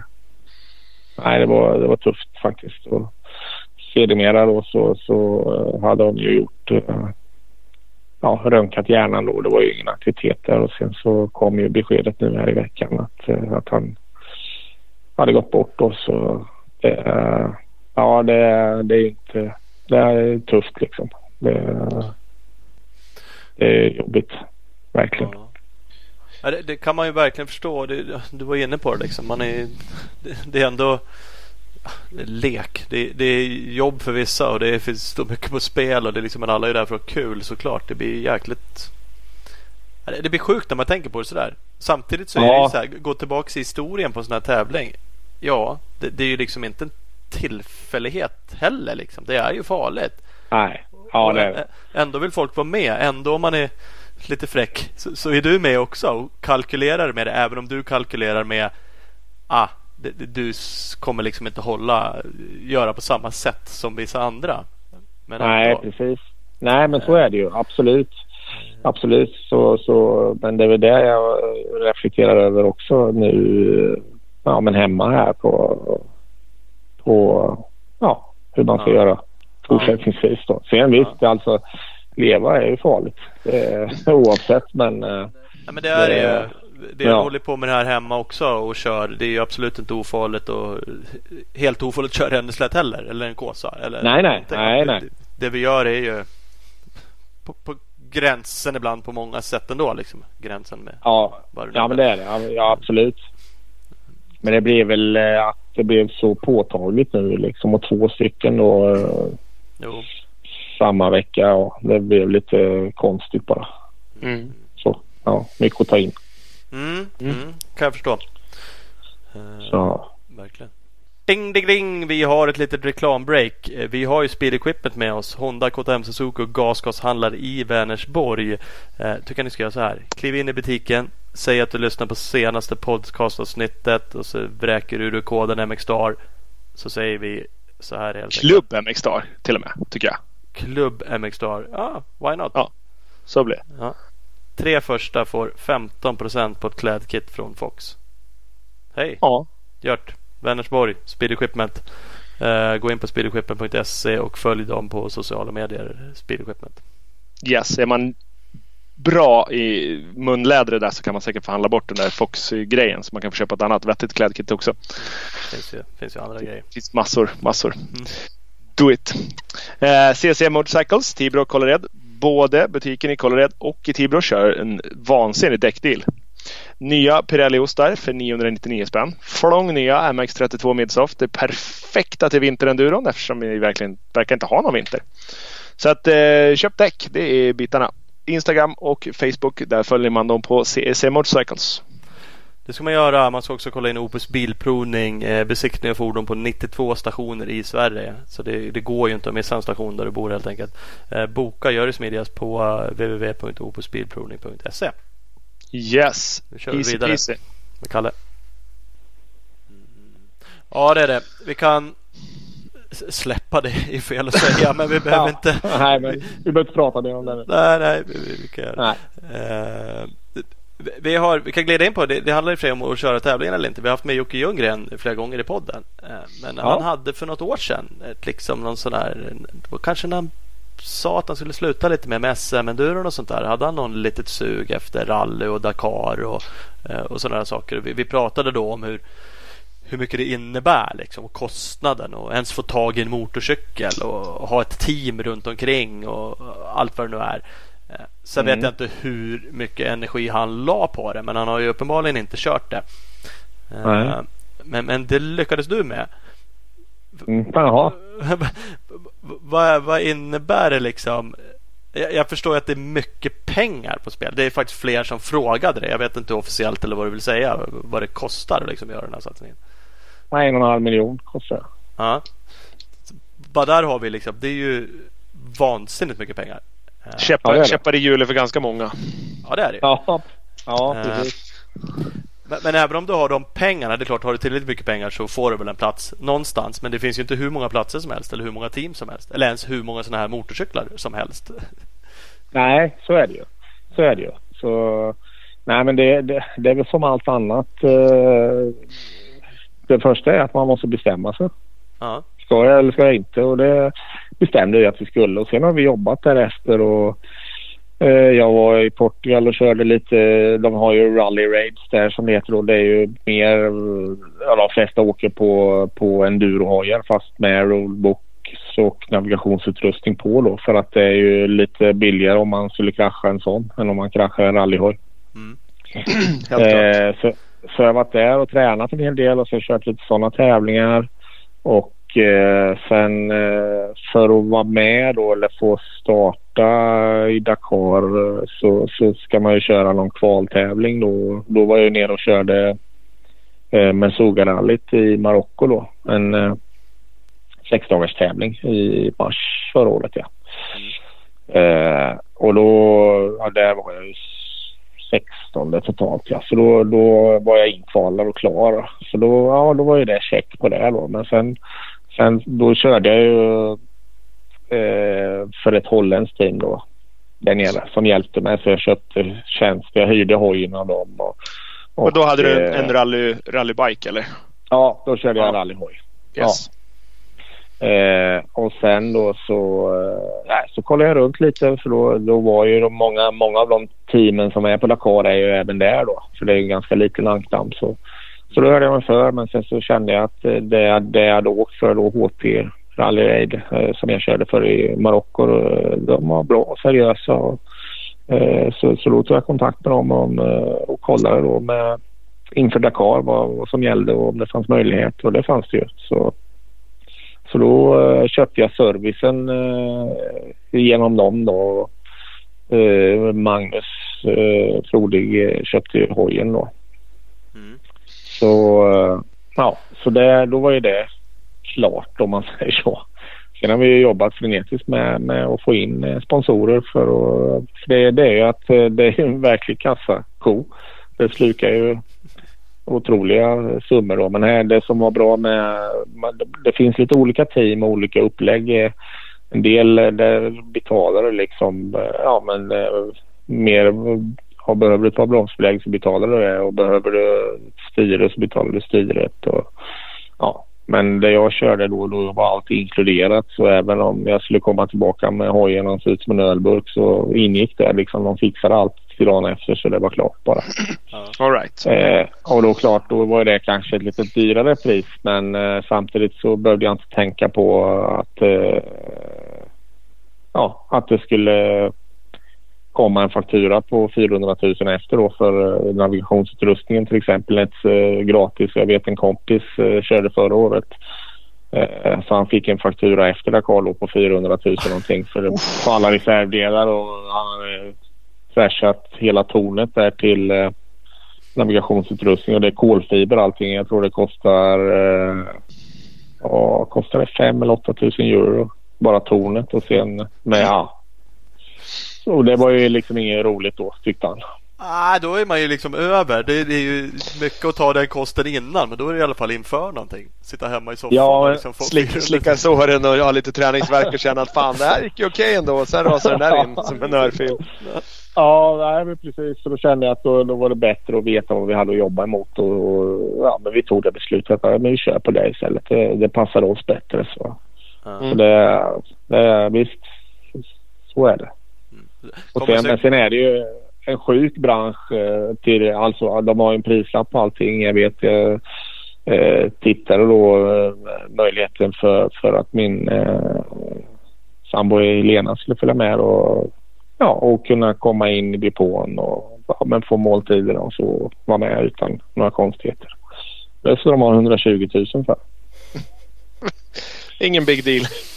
Nej, så det är ju liksom om allt kostar bara. Så det är ju vad, budgeten. Du, du kan ha hur stor budget som helst. Det, är, eh, ja, men så det, är- det är ju det är dyrt liksom. mm, jo. Vi har ju lite kontakt med, med Kim och det var något liknande där. Liksom. Ja, men jag hänger på eh, och rapporterar och så bara börjar kolla läget och så bara, åh för fan, det är klart du kan göra det. Här du det här Ja. pake- paketet för de här pengarna. Då får du ha en egen bil. Här du det här för det här. Då kan du få Ja. komma in där. Vill du åka helikopter? Det kostar ännu mer. ja, Ja, liksom, visst. Ingen Nej, jag vet, man, man kunde köpa fotopaket där från arrangören. Eh, då skulle man väl få ett foto om dagen eller typ från varje dagsetapp då. Det kostar 800 euro. Ja, tackar. 12, bi- 12 bilder. Klart, klart värt. så nej men det, ja. Det är precis. Det finns liksom ingen eh, botten på vad det kan kosta. Men eh, ska man göra det utan att behöva meka allt själv och liksom kunna fokusera på att åka hoj och ja, ha ett hyfsat team. Ja, men då, och sen med, då räknar jag ju med i det här så är det ju även kvaltävlingen då. Marsuga-rallyt och så. Men Mm. eh, det är också en förutsättning för att jag ska kunna åka. Och då, Ja, då, liksom, då landar det där. Sen kan du säkert göra det för, eh, ja, jag vet inte, under en miljon eh, på något vis då. Men eh, Mm. då, då får du kanske inte krascha någon gång och inte göra av med några grejer och du får meka allting själv och ja, etc. etc. Ja. Ehm, hur, hur är liksom hojarna byggda? En, en rally Husqvarna är ju ingen, eh, ingenting man ringer till Bloms MX och säger att man vill köpa en. Utan, eh, vilka är det som gör hojarna? Görs de, eh, är det Österrike alltså, som gör dem eller det någon annan eh, utsides som gör just de där hojarna? Eller hur funkar det? Nej, men de gör sig del också. Det är bara det att de gör ju 50 stycken just Husqvarna om året. Okej, ja. Så det, det, Mm. de görs då men så att alla är eh, typ fabrikshojar i och med att det är så starkt limiterad edition. Ja, precis. Så heter de ju rallyrepliker då och då är det att fabrikshojarna ser ju annorlunda ut än vad de vi har då. Men eh, Mm. lite designmässigt. Jag tittade lite. de- har lite annan plast. Så sen framförallt har de ju an- annat i motorn. Men eh, om man bara tittar ögat så, så, så är det inte så stor skillnad. Det är det inte. Nej. Det är det inte. Men det är ju en speciell, det är en helt annan ram och sen är det ju mycket starkare eh, både växellåda och vevparti och kolv och koppling på Mm. både KTM och så det är en separat motor. Japanerna, Yamaha och Honda har ju byggt på, på sina ja, cross eller enduro-modeller och utgått därifrån. Ja, okej. Ja. KT- KTM och Husqvarna har ju alltså liknande motorer med större kubik i pro- programmet. Typ supermotardhojarna och det. Det kanske är någon sån som är nerstrokad istället. Ja, det är säkert, säkert något sånt. Mm. Det är det säkert. Absolut. Vad, vad säger reglementet då? Kan du det? 450 är det ju. Är det det Ja. enda liksom? Sen är det bara fritt. Ja, det är det. 450. De hade ju så mycket. De körde ju både 900. Jag tror någon, någon gång de hade 1200 kubikare med då för längre sen. Men, men då gjorde de ju över två, 200 kilometer i timmen. Och sen vägde de ju ännu mer då. Nu väger de ju 170 kilo ungefär. Då Ja. väger de över 200 kilo. Så jag menar när det började jassa där och, och sen hade de mycket, mycket mer soppa med sig då också. För det var just när de körde traditionella Paris-Dakar så var det längre då mellan tankställen om man säger så. Ja, ja. Det, Så det var, det var därför de förbjöd det. För det varit för mycket liksom olyckor på grund av eh, vikten eh, egentligen och den ännu högre farten om man säger så. ja, precis. Jag, jag tänkte också att det var- fanns något så här, ja, men vi standardiserar lite så att det blir eh, billigare liksom på något sätt. Men det känns kanske som att man ändå inte har gjort 450 kubik. Sen kan du göra vad fan du vill typ. Och så, Ja, eh, men sen är det ju en del åker ju en del. Vissa åkte ju med mer eller mindre ombyggda enduro-bikar då med större tankar och grejer och så. Eh, det fanns det några som gjorde också. Eh, Någon beta så jag var med också. De eh, hade handbyggda aluminiumtankar både bak och fram och runt om. Så ja, ja. det fanns lite olika. De ser ju sjukt klumpiga ut de här. Och nu sa du din, du saknade lite effekter på 170 kilo jämfört med ja, vad en standardhoj 100-110. Det är ju lite mer. Ja. Eh, ja. men ser man liksom klipp, ja men även från dig. Du lättade ju någon gång ibland. Och fabriksåkarna Ja, när man ser ser ju för fan ut som de som en vanlig hoj när de kör dem. Ja visst, nej men de är, de är, väl, de är faktiskt väldigt smidiga. Nu till 20 här så kom det en ny ram också. Så det, jag har åkt på, innan när jag tränat så har jag haft en 18, 17 modell ja, nere i Portugal. Så det är jättestor skillnad nu på, på 20 Den känns mer som en endurohoj liksom. Det, det gör. Sen visst, det är ju vikt men det, jag har inga problem med det. Jag tror inte det är så många som har det heller. Så anpassa sig. Det är mer att eh, just när man ska börja bromsa att det skjuter på lite mer. Det är lite mer vikt i rörelse. Det det där de är sämre. Ja, precis. Det, det var många bilar man fick eh, skrubba över för man det liksom sköt på så, så. Så man får ju liksom tvära över din, dinkanterna så, så man inte går rakt över dem då. Ja. Mm. Och det, det är mer det man känner att just när man börjar bromsa att det skjuter på mer om man säger så. A- Apropå bromsar, det, och, så, det kom in mycket lyssnarfrågor om slitage och hur mycket grejer byter man och det var så hur mycket oljebyten görs, hur mycket filter går åt och, och hur mycket däck och kedjor och eh, bromsar och bromsbelägg. Det lyckades ju ganska tidigt att typ smälta ihop. Ja. Vad gör man då? Då, då ligger man Ja, och fegar var- lite väl mycket va? Ja, Ligger du? precis. Ja, jajamän. Nej, men jag har ju en historia om att bromsa en hel del. Alltså, Så det är så. eh, det var det. Ja, faktiskt. eh, Det är väl min akilleshäl. Bakbromsen där ligger lite på den hela tiden. Nej, Men jag står ganska kobent om man säger så. Så jag står med, med in mot ramen med foten på. Jag står själv inte på själva pedalen och så eh, där man brukar bromsa utan det är på armen jag står med foten. Ja, ja. Så då ligger tjuvbromsar och då hade de inte första och andra dagen där hade de inte originalbelägg på. Eh, Brembos original då, och då, då brann ju de upp fullständigt. Men sen eh, så det var ju där det gick åt ett par bromsbelägg. Sen eh, Försvann de inte sen? åkte- Var inte det, var inte någon jo, funktionär som fick dem med sig därifrån? Jo precis, jo, precis. Jo, det var ju också, det, det var ju också dråpligt. Jag skulle ju byta där och det var ju inget. Och då var det en, en eh, ja, jag tror han var, han var gud tror jag, så han måste ha varit någon eh, medicinare eller läkare eller något. Han tyckte väl synd om mig när jag höll på att fixa så han sa, men jag kan hålla i de här. Ja, bra. Och då hade det ena belägget smält där så det satt ju fast i skivan så jag fick ju hugga bort det med en mejsel. Och då, då samtidigt så kom hans kollega. Nej, vi måste åka. De fick väl något larm eller något. Det var de skulle någon annanstans. Ja, ja, nej, men då får du klara dig själv. Jajamän. Och sen drog han. Och sen eh, då fick han med sig ett bromsbelägg. Så det stod jag med ett bromsbelägg bara. Så det var ju bara att åka sista 27 milen utan bromsar, bromsbelägg överhuvudtaget bak då. Ja, det gick ju. det också. Det gick det med. Tack Men det. sen efter det, efter det så satt, uh, satt vi uh, jag sa det, vi måste ha originalbelägg. För det gick ju, hela blansoket var ju sönder där sen.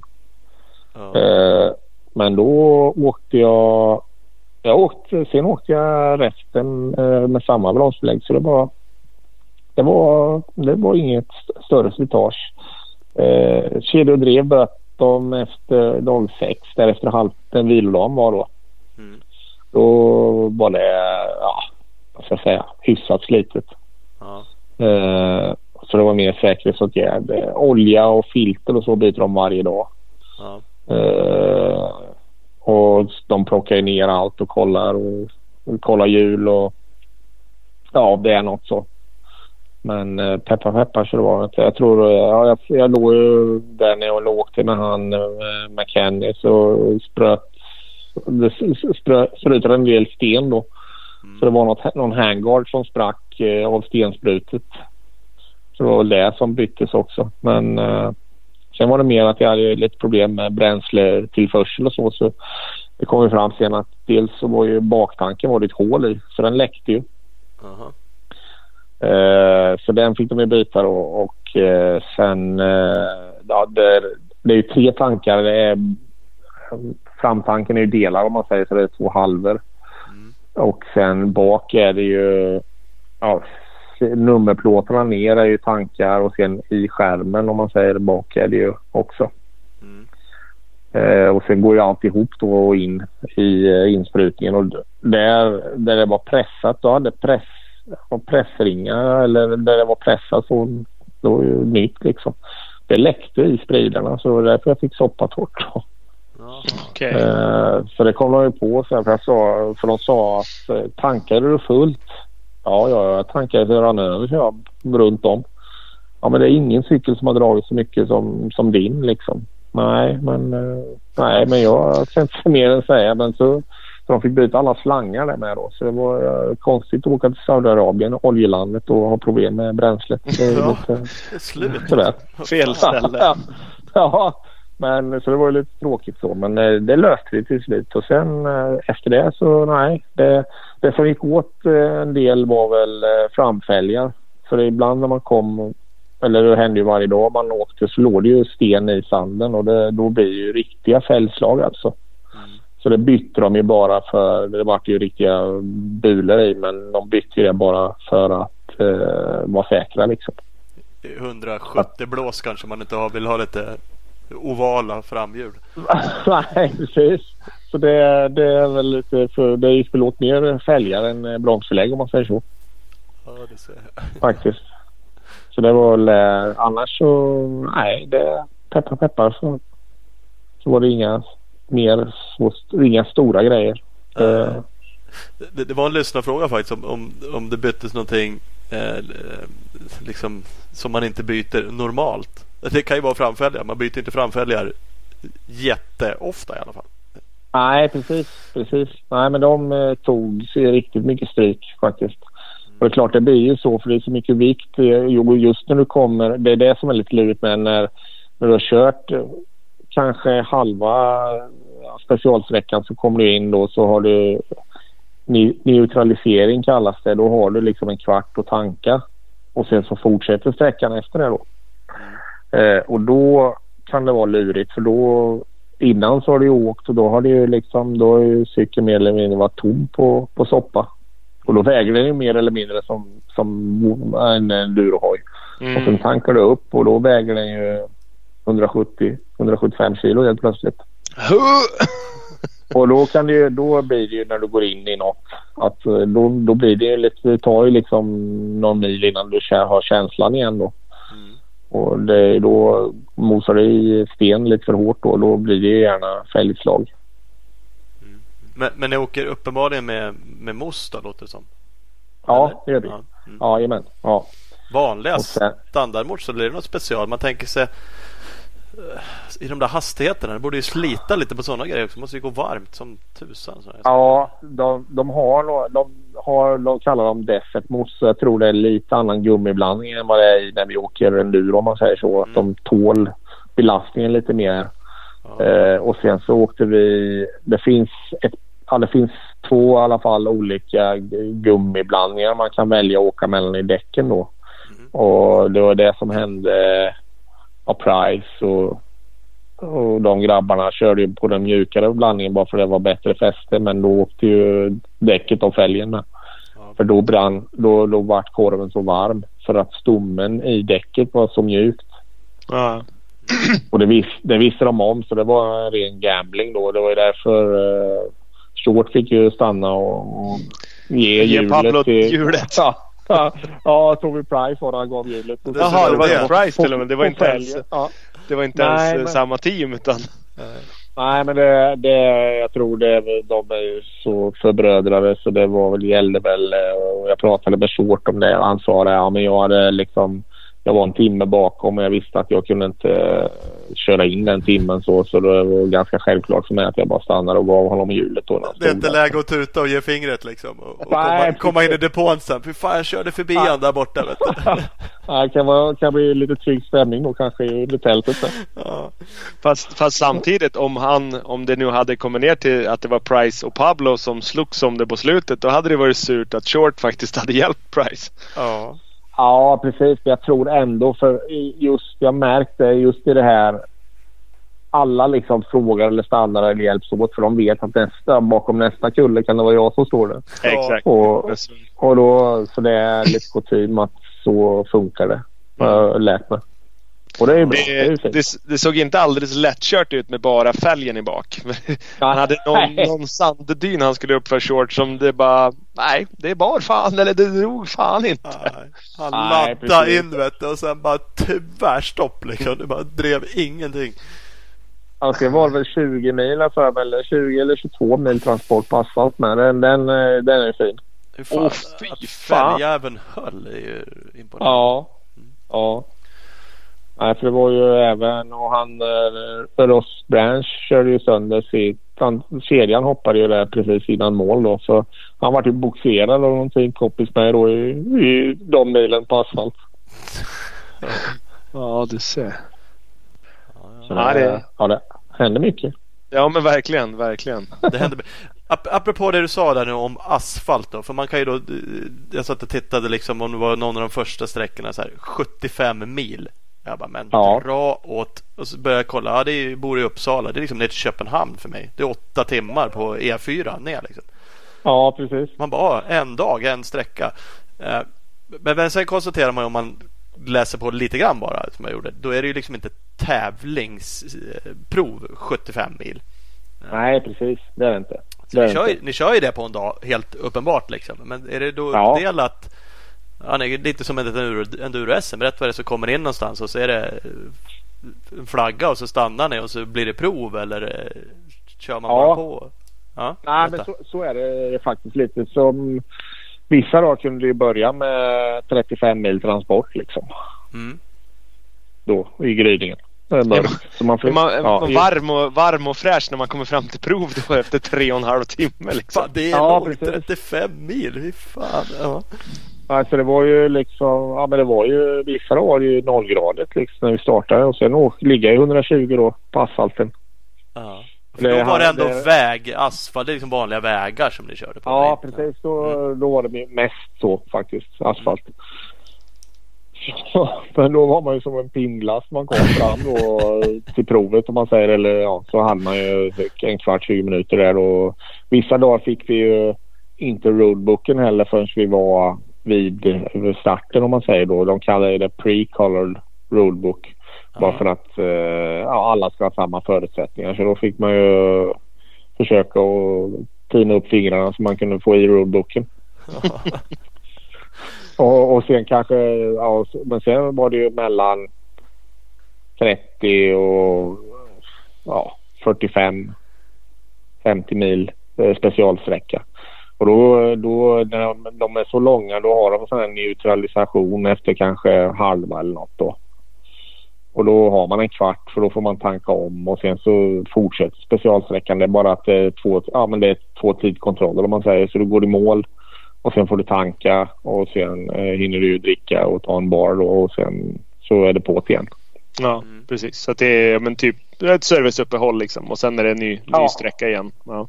Ja, precis. Men det är alltså där på den här neutralisationen så får man inte ha utomstående hjälp utan för att göra något så eh, får du ha med dig det.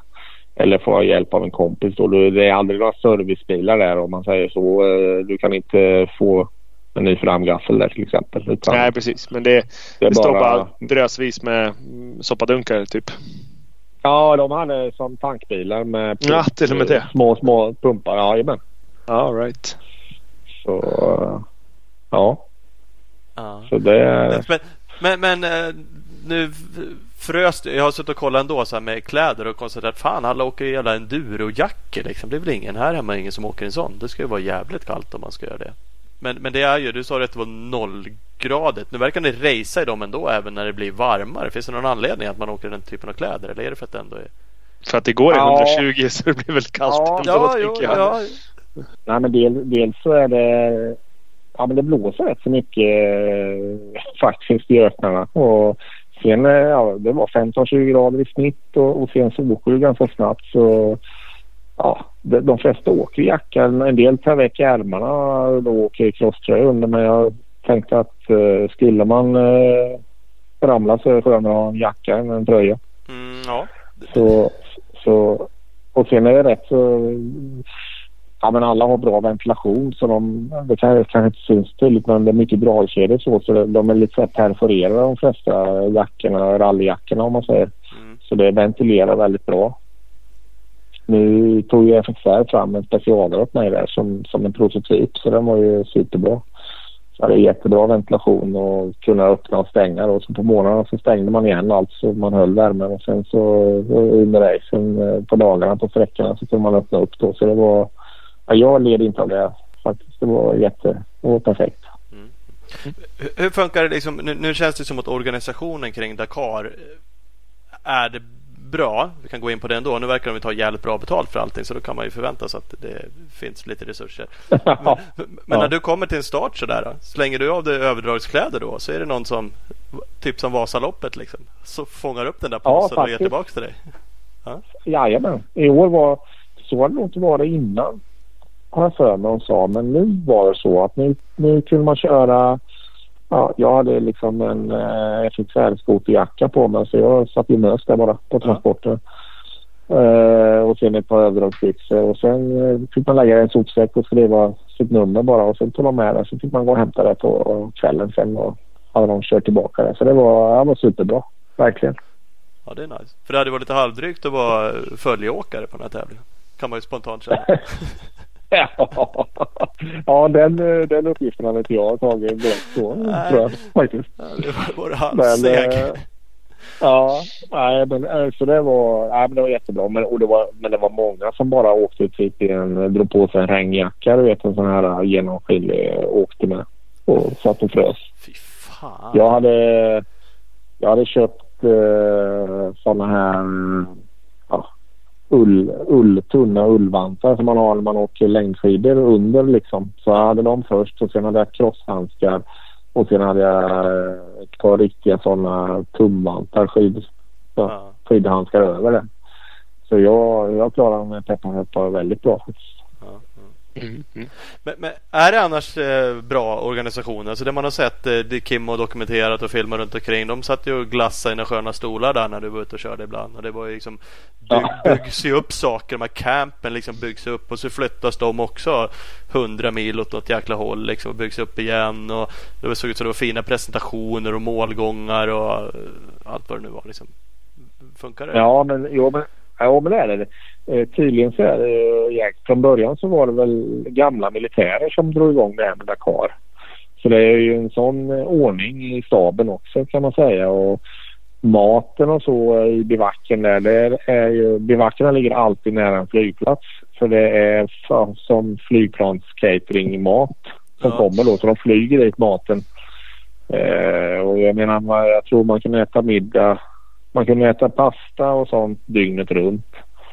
Och sen så kunde man äta middag mellan sju, och sju på eftermiddagen till tre på morgonen. Uh-huh.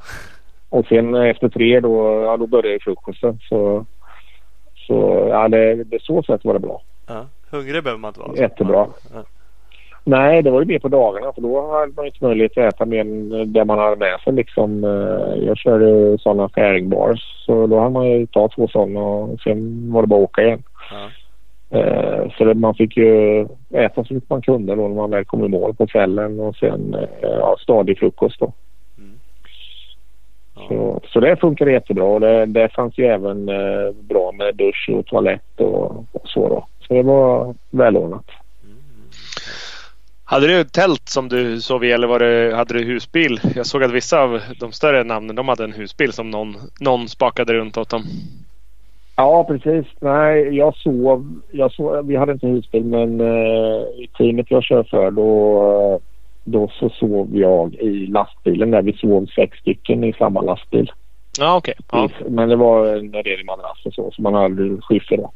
Ja, Så det, var- det, var, det var bra. Eh, sen alla, alla mekaniker och så, de sover i tält och Kim och Magnus och Mikael som var med, de sov också i tält på nästa. ja precis. Eh, och, men mer, fler och fler sover väl i husbil numera. Men eh, en del sover, de som kör Malle Motor sover ju i tält. Ja. Och en del andra också. Men det har blivit mer och mer, och mer folk sover eh, eller har med en husbil eller så då.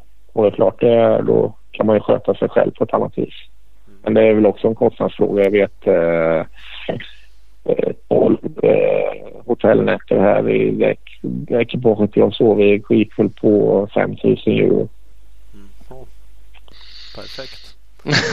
Jajamän. Det är inte så tokigt med tält ändå kanske. Jag tänker 5000 euro så 5000 per natt. Men det var väl ändå överkomligt. Och så bara, sorry. Euro, ja. Ja. just det. Ja, ja.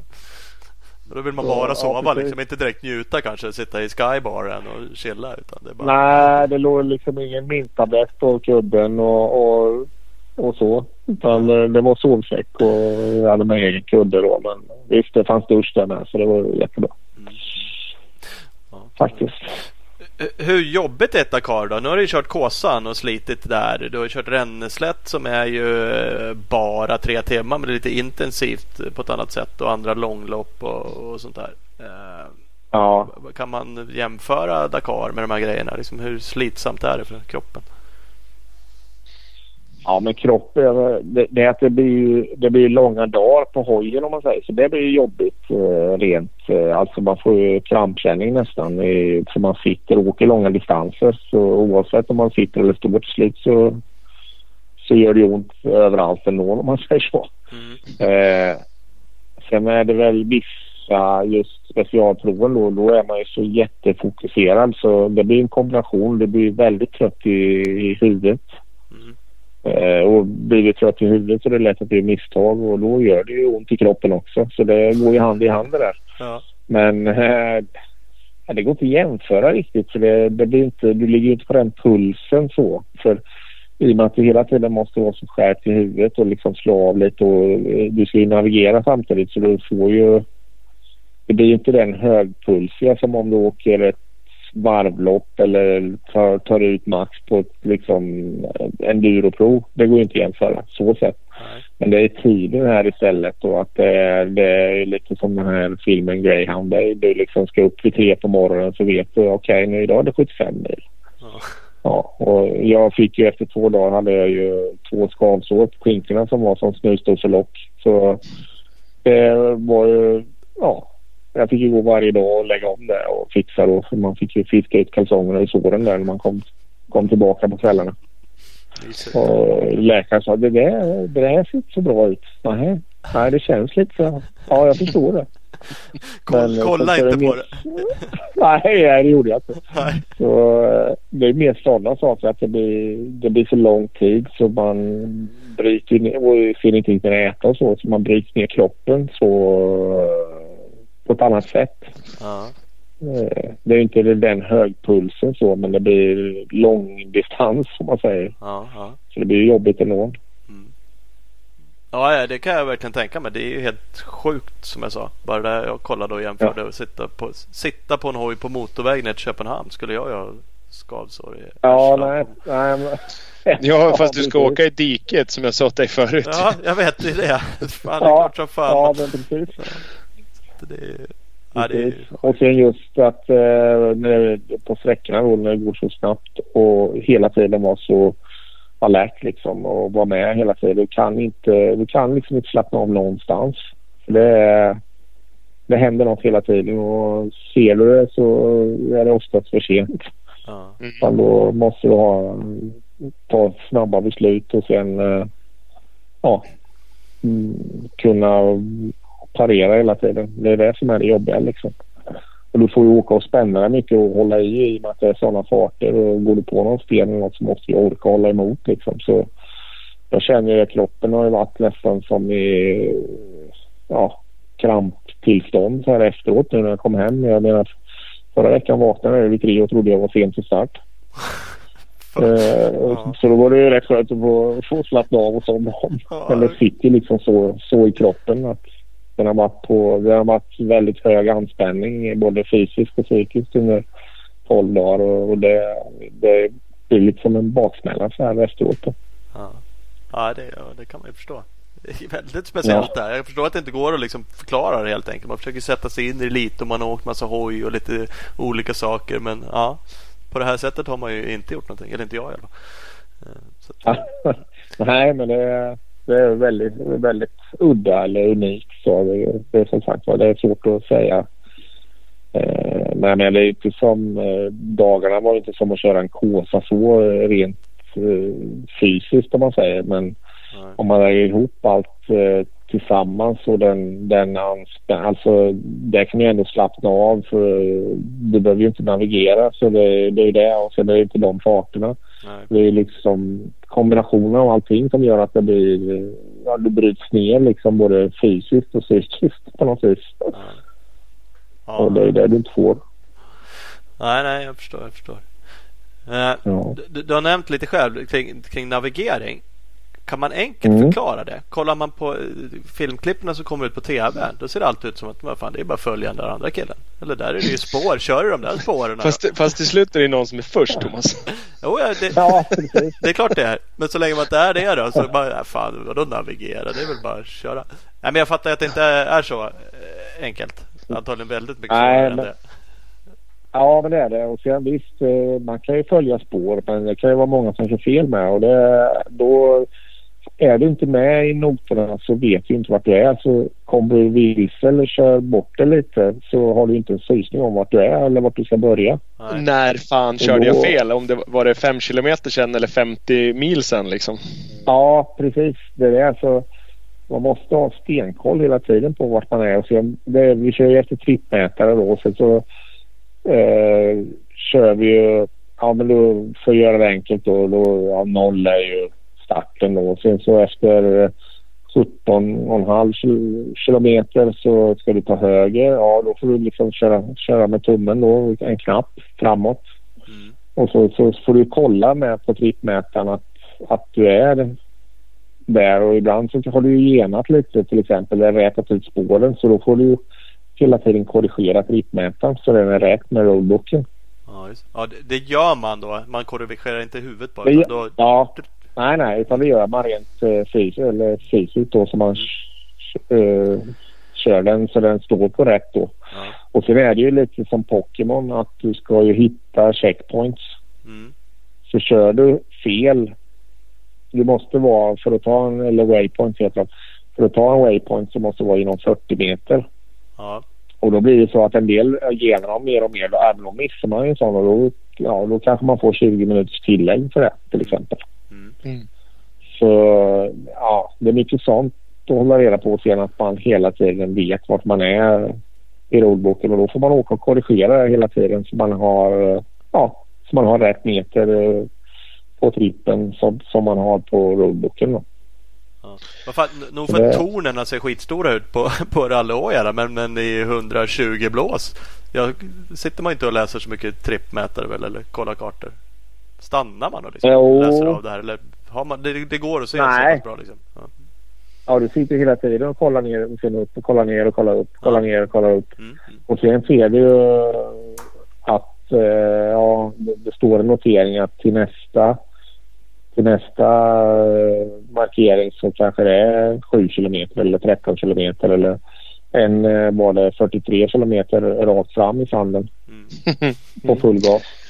Jag då, har, behöver eh, man, då behöver man ju inte titta så mycket till på en stund. Nej. Men, eh, Ja, det är. Så är det. Nej men det måste ju vara det som är stor skillnad också. För jag, jag har kört lite efter roadbook när, eh, när jag kört service på rally. Eh, ja, Men det är ju en jävla skillnad att na- navigera runt liksom där det är massa korsningar och vägar och ta höger i det korset. Men i, mitt i öknen då blir det som du sa. Då är det liksom eh, 42 kilometer rakt fram för att det finns inga grejer att förhålla sig till. Det finns inga vägkorsningar. Det finns ingen kyrka på höger sida att hålla koll efter liksom. nej precis. Och just när vi går ut när det är, vad ska man säga, redig ja, öken som vi tänker och står med sanddyner och sånt. Då är det mest kompassanvisningar. Att ja, nu ska du hålla bäring eh, 255 grader i 4,7 kilometer. Mm. Och så får du, då är det oftast en waypoint där med så du får den och sen så okej nu ska du hålla 36 kilometer 112 grader. Ja. Så då, där, där har man ju, då är det mer kompassriktningen man går på då. Precis. Eh, och sen så kan det vara att det är höga dynor, alltså de olika nivåer på dynorna. Level 1, 2, 3. 3 är de höga och sen 1 är de låga då. Så då har man det att gå på. Ja, vissa gånger så kan jag tänka mig att, att nu ska ni hålla den här kompassriktningen men det går inte att åka där. Du är tvungen att och liksom åka 200 meter åt en annan kompassriktning för att ta dig över den här sanddynen. Och, ja, det måste vara ett jävla passande.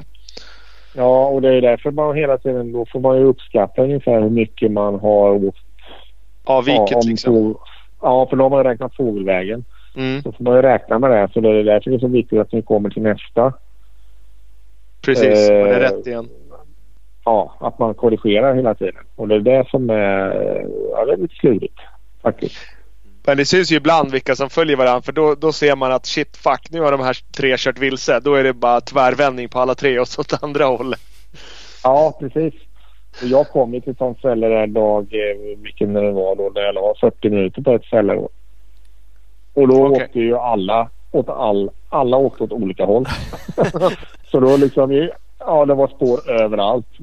Ja. Och, och då blir det lite så här, jaha, då liksom jag åkte tillbaka till det stället. Det- När man inte hittar så då, då får man liksom, då hade jag en, en eh, waypoint som jag visste vart den var. Så då åkte jag tillbaka till den och sen så drog jag tillbaka trippmätaren och började om därifrån och försökte verkligen köra mitt. Och så hittade jag nästa waypoint då för den var då en sån dold om man säger. Mm. Samtidigt får jag möte från den bara, "Ja, jag hittade den här. Och sen så åkte han fullt åt andra hållet och jag bara, men jaha. Men däråt ska vi väl ändå inte. Och sen kom det liksom, till slut kom ju quad. Så sen kom bilarna också, sign på dem. Och de åkte och sladdade över hela öknen där. De visste heller inte vart de skulle. Så det, och då, ja, då tänkte jag, ja, men jag ska, jag ska liksom hitta rätt. Så jag, det var det jag tänkte. Jag ska åka säkert och jag ska hitta alla waypoints. Det var min målsättning liksom. Mm. Då åkte jag tillbaka igen och nollställde och sen åkte det. Ja, men, ja, men det måste ju vara där över. Så kom jag liksom på. Då fick man liksom chans. Då hade de gjort en jäkligt lurig not. Okej. Eh, som många gick bet på. Eh, men den var korrekt. Men den var jäkligt svårläst. Så då smög jag iväg lite. Och sen kom jag på och sen så hittade jag ju nästa waypoint också. Och då, ja, men då var jag på banan igen. Men, och det var liksom, hade varit 100 meter ifrån. Ja. Så hade jag, ja, det, men det är ju så små marginaler. Om då blir det liksom att då vart det att alla åkte kors och tvärs och alla hade sina egna uppfattningar. Och då, där, därför är det så viktigt att man själv bestämmer. Okej, jag kör mitt. De får åka däråt. Jag ska åka häråt. Ja, inte Men det är stressa. svårt Vad fan åker alla dit Nej. för? Liksom, då ska man bestämma sig för att nej, men jag gör rätt ut där. Jag, ja. Ja. Och sen så när man väl kom på det bara, men varför liksom åkte jag inte bara... Hade jag åkt... Ja, hade jag åkt 100 meter till så hade jag liksom hittat. Då hade det tänts upp då att ja, men du är på rätt väg. Men eh, så är det ju lätt att vara efterklok. För jag tänkte på det, tänds upp. Alltså ser man waypoint, det sitter inte en liten flagga där utan man får någon annan notis att man är rätt eller hur? Ja, vi har, vi har som en eh, GPS som eh, där vi kan se alla, alla waypoints vi har tagit. Och eh, även när vi åker transporter så är det som en digital rulebook där. Okej. Eh, kan man säga. Och när du kommer inom eh, 900 meter från en eh, waypoint så tänds den upp. Mm. Och sen får du, då får du en kompasspil att du är på väg åt rätt håll. Okej. Ja. Men det hade, Och- det, ni har ingen så här ja, men, som en vanlig eh, GPS eh, som man slår på och så säger han att man ska dit och så, och så är det karta och, och färger och höjdkurvor och sånt. Nej. Det såg jag ingen som Nej. hade liksom. Det får man inte ha Nej. eller? Nej, det är det inte. Utan den, är en, enkom, den vi har är ju att eh, ja, de kan kommunicera med oss. Till exempel om det skulle vara... Ja, det har hänt någon bilolycka som är utanför tävlingens ramar egentligen så kan de dirigera om oss. Ja okej. Alltså de tän- tänds upp då. Likadant som när om jag kommer ifatt någon så börjar en pipa. Och likadant som eh, om det kommer då när jag hade stannat och hjälpt de här eh, Edvin då, som gick bort. Då kom ju bilarna ja, började komma ifatt mig. Mm. I och med att jag stod still. Och då är det så att eh, om en bil kommer ifatt då larmar den liksom. Då står det car. För att det kommer en bil bakom och då ska man gå åt sidan liksom. För att Det är som vanlig helgendur att kommer någon bakom så ska man släppa om. Då. Mm.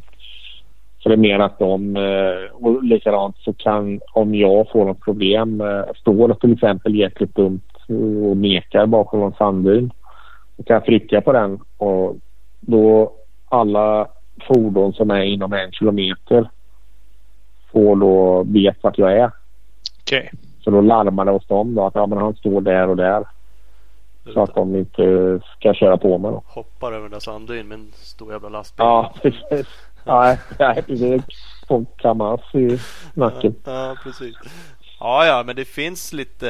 Det är ju rätt bra system får man lov att säga ändå. Då.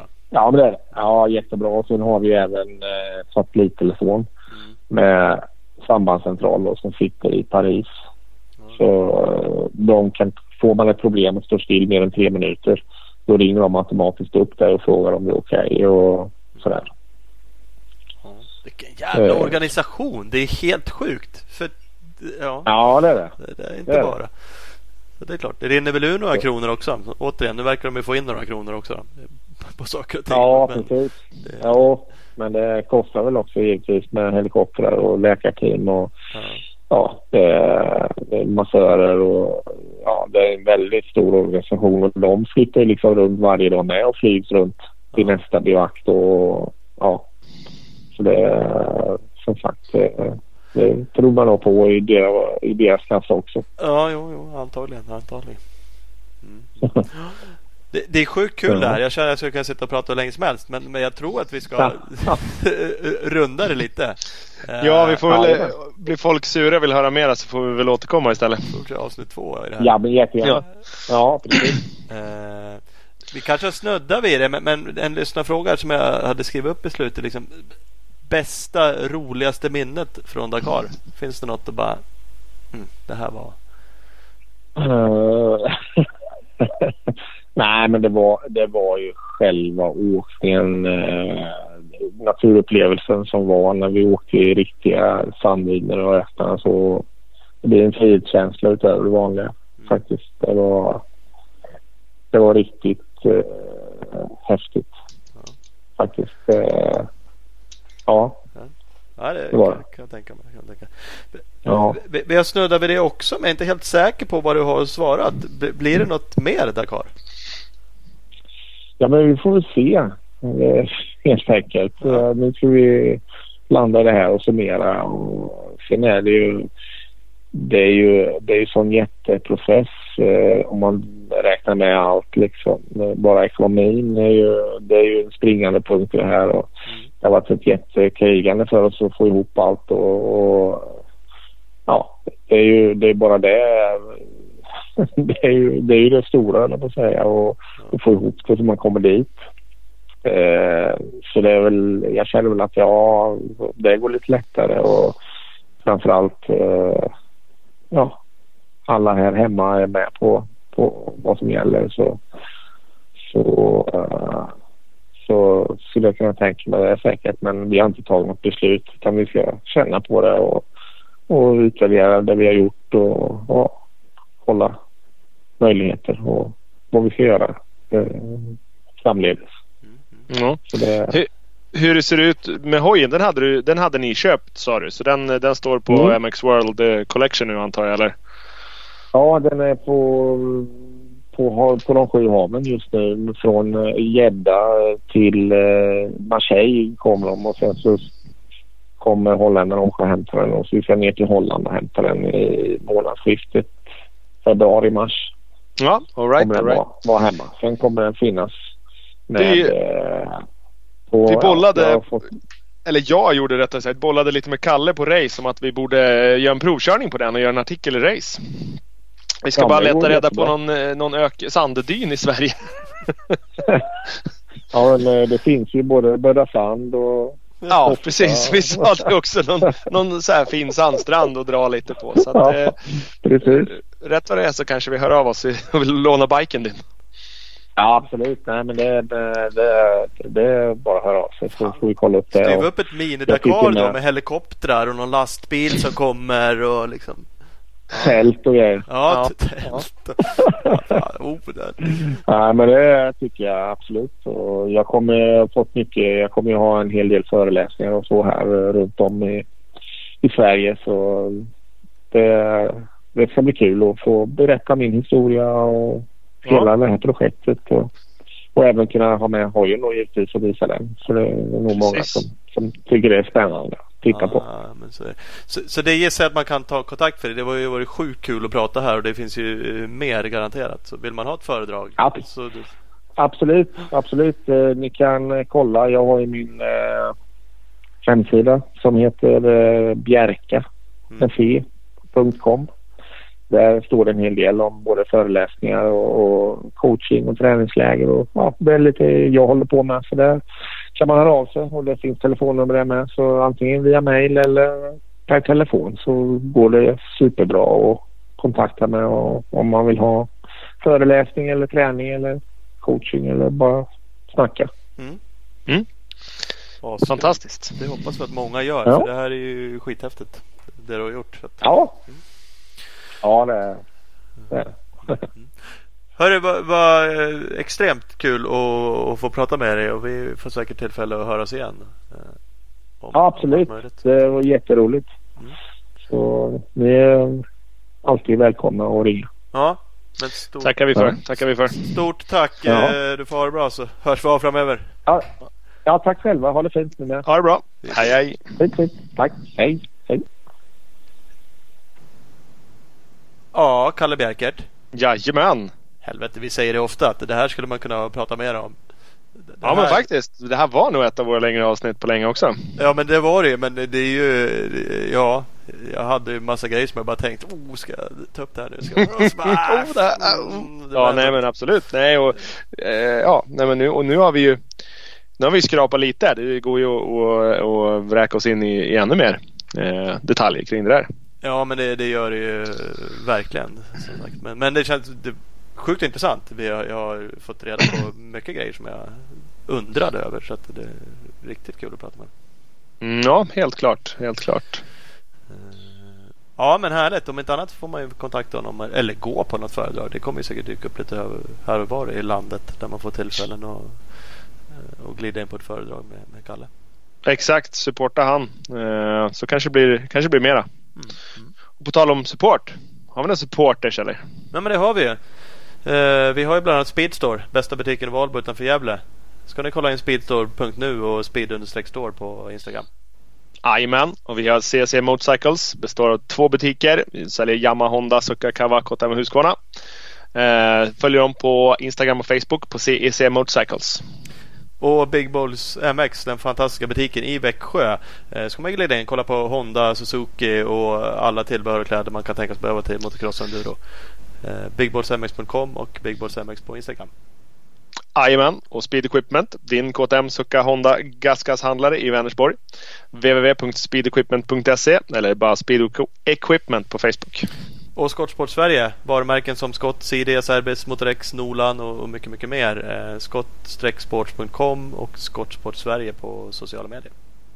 Precis. Opus Bilprovning. Där har de 92 stationer från Kiruna Norr till Helsingborg Söder. Så besikta bilen eller bara allmänna frågor om bilbesiktning. www.opusbilprovning.se Husqvarna, Bjerkert åkte Husky. Absolut bästa motocross, enduro-hojarna på marknaden och rallyhojar på ja, marknaden. precis. Finns allt. Eh, finns allt. Följ dem på Instagram, Husqvarna Motorcycle Scandinavia. Yes. Och Bioclean Bike Wash. Klart bästa tvättmedlet i din cross och enduro bike. Kolla in dem på Facebook. Kan även beställa tvättmedel på deras hemsida www.bikewash.se. Ja, där har vi det. Säger vi tack och hej. Easy peasy, det gör vi. Hörs. Hej. Hej.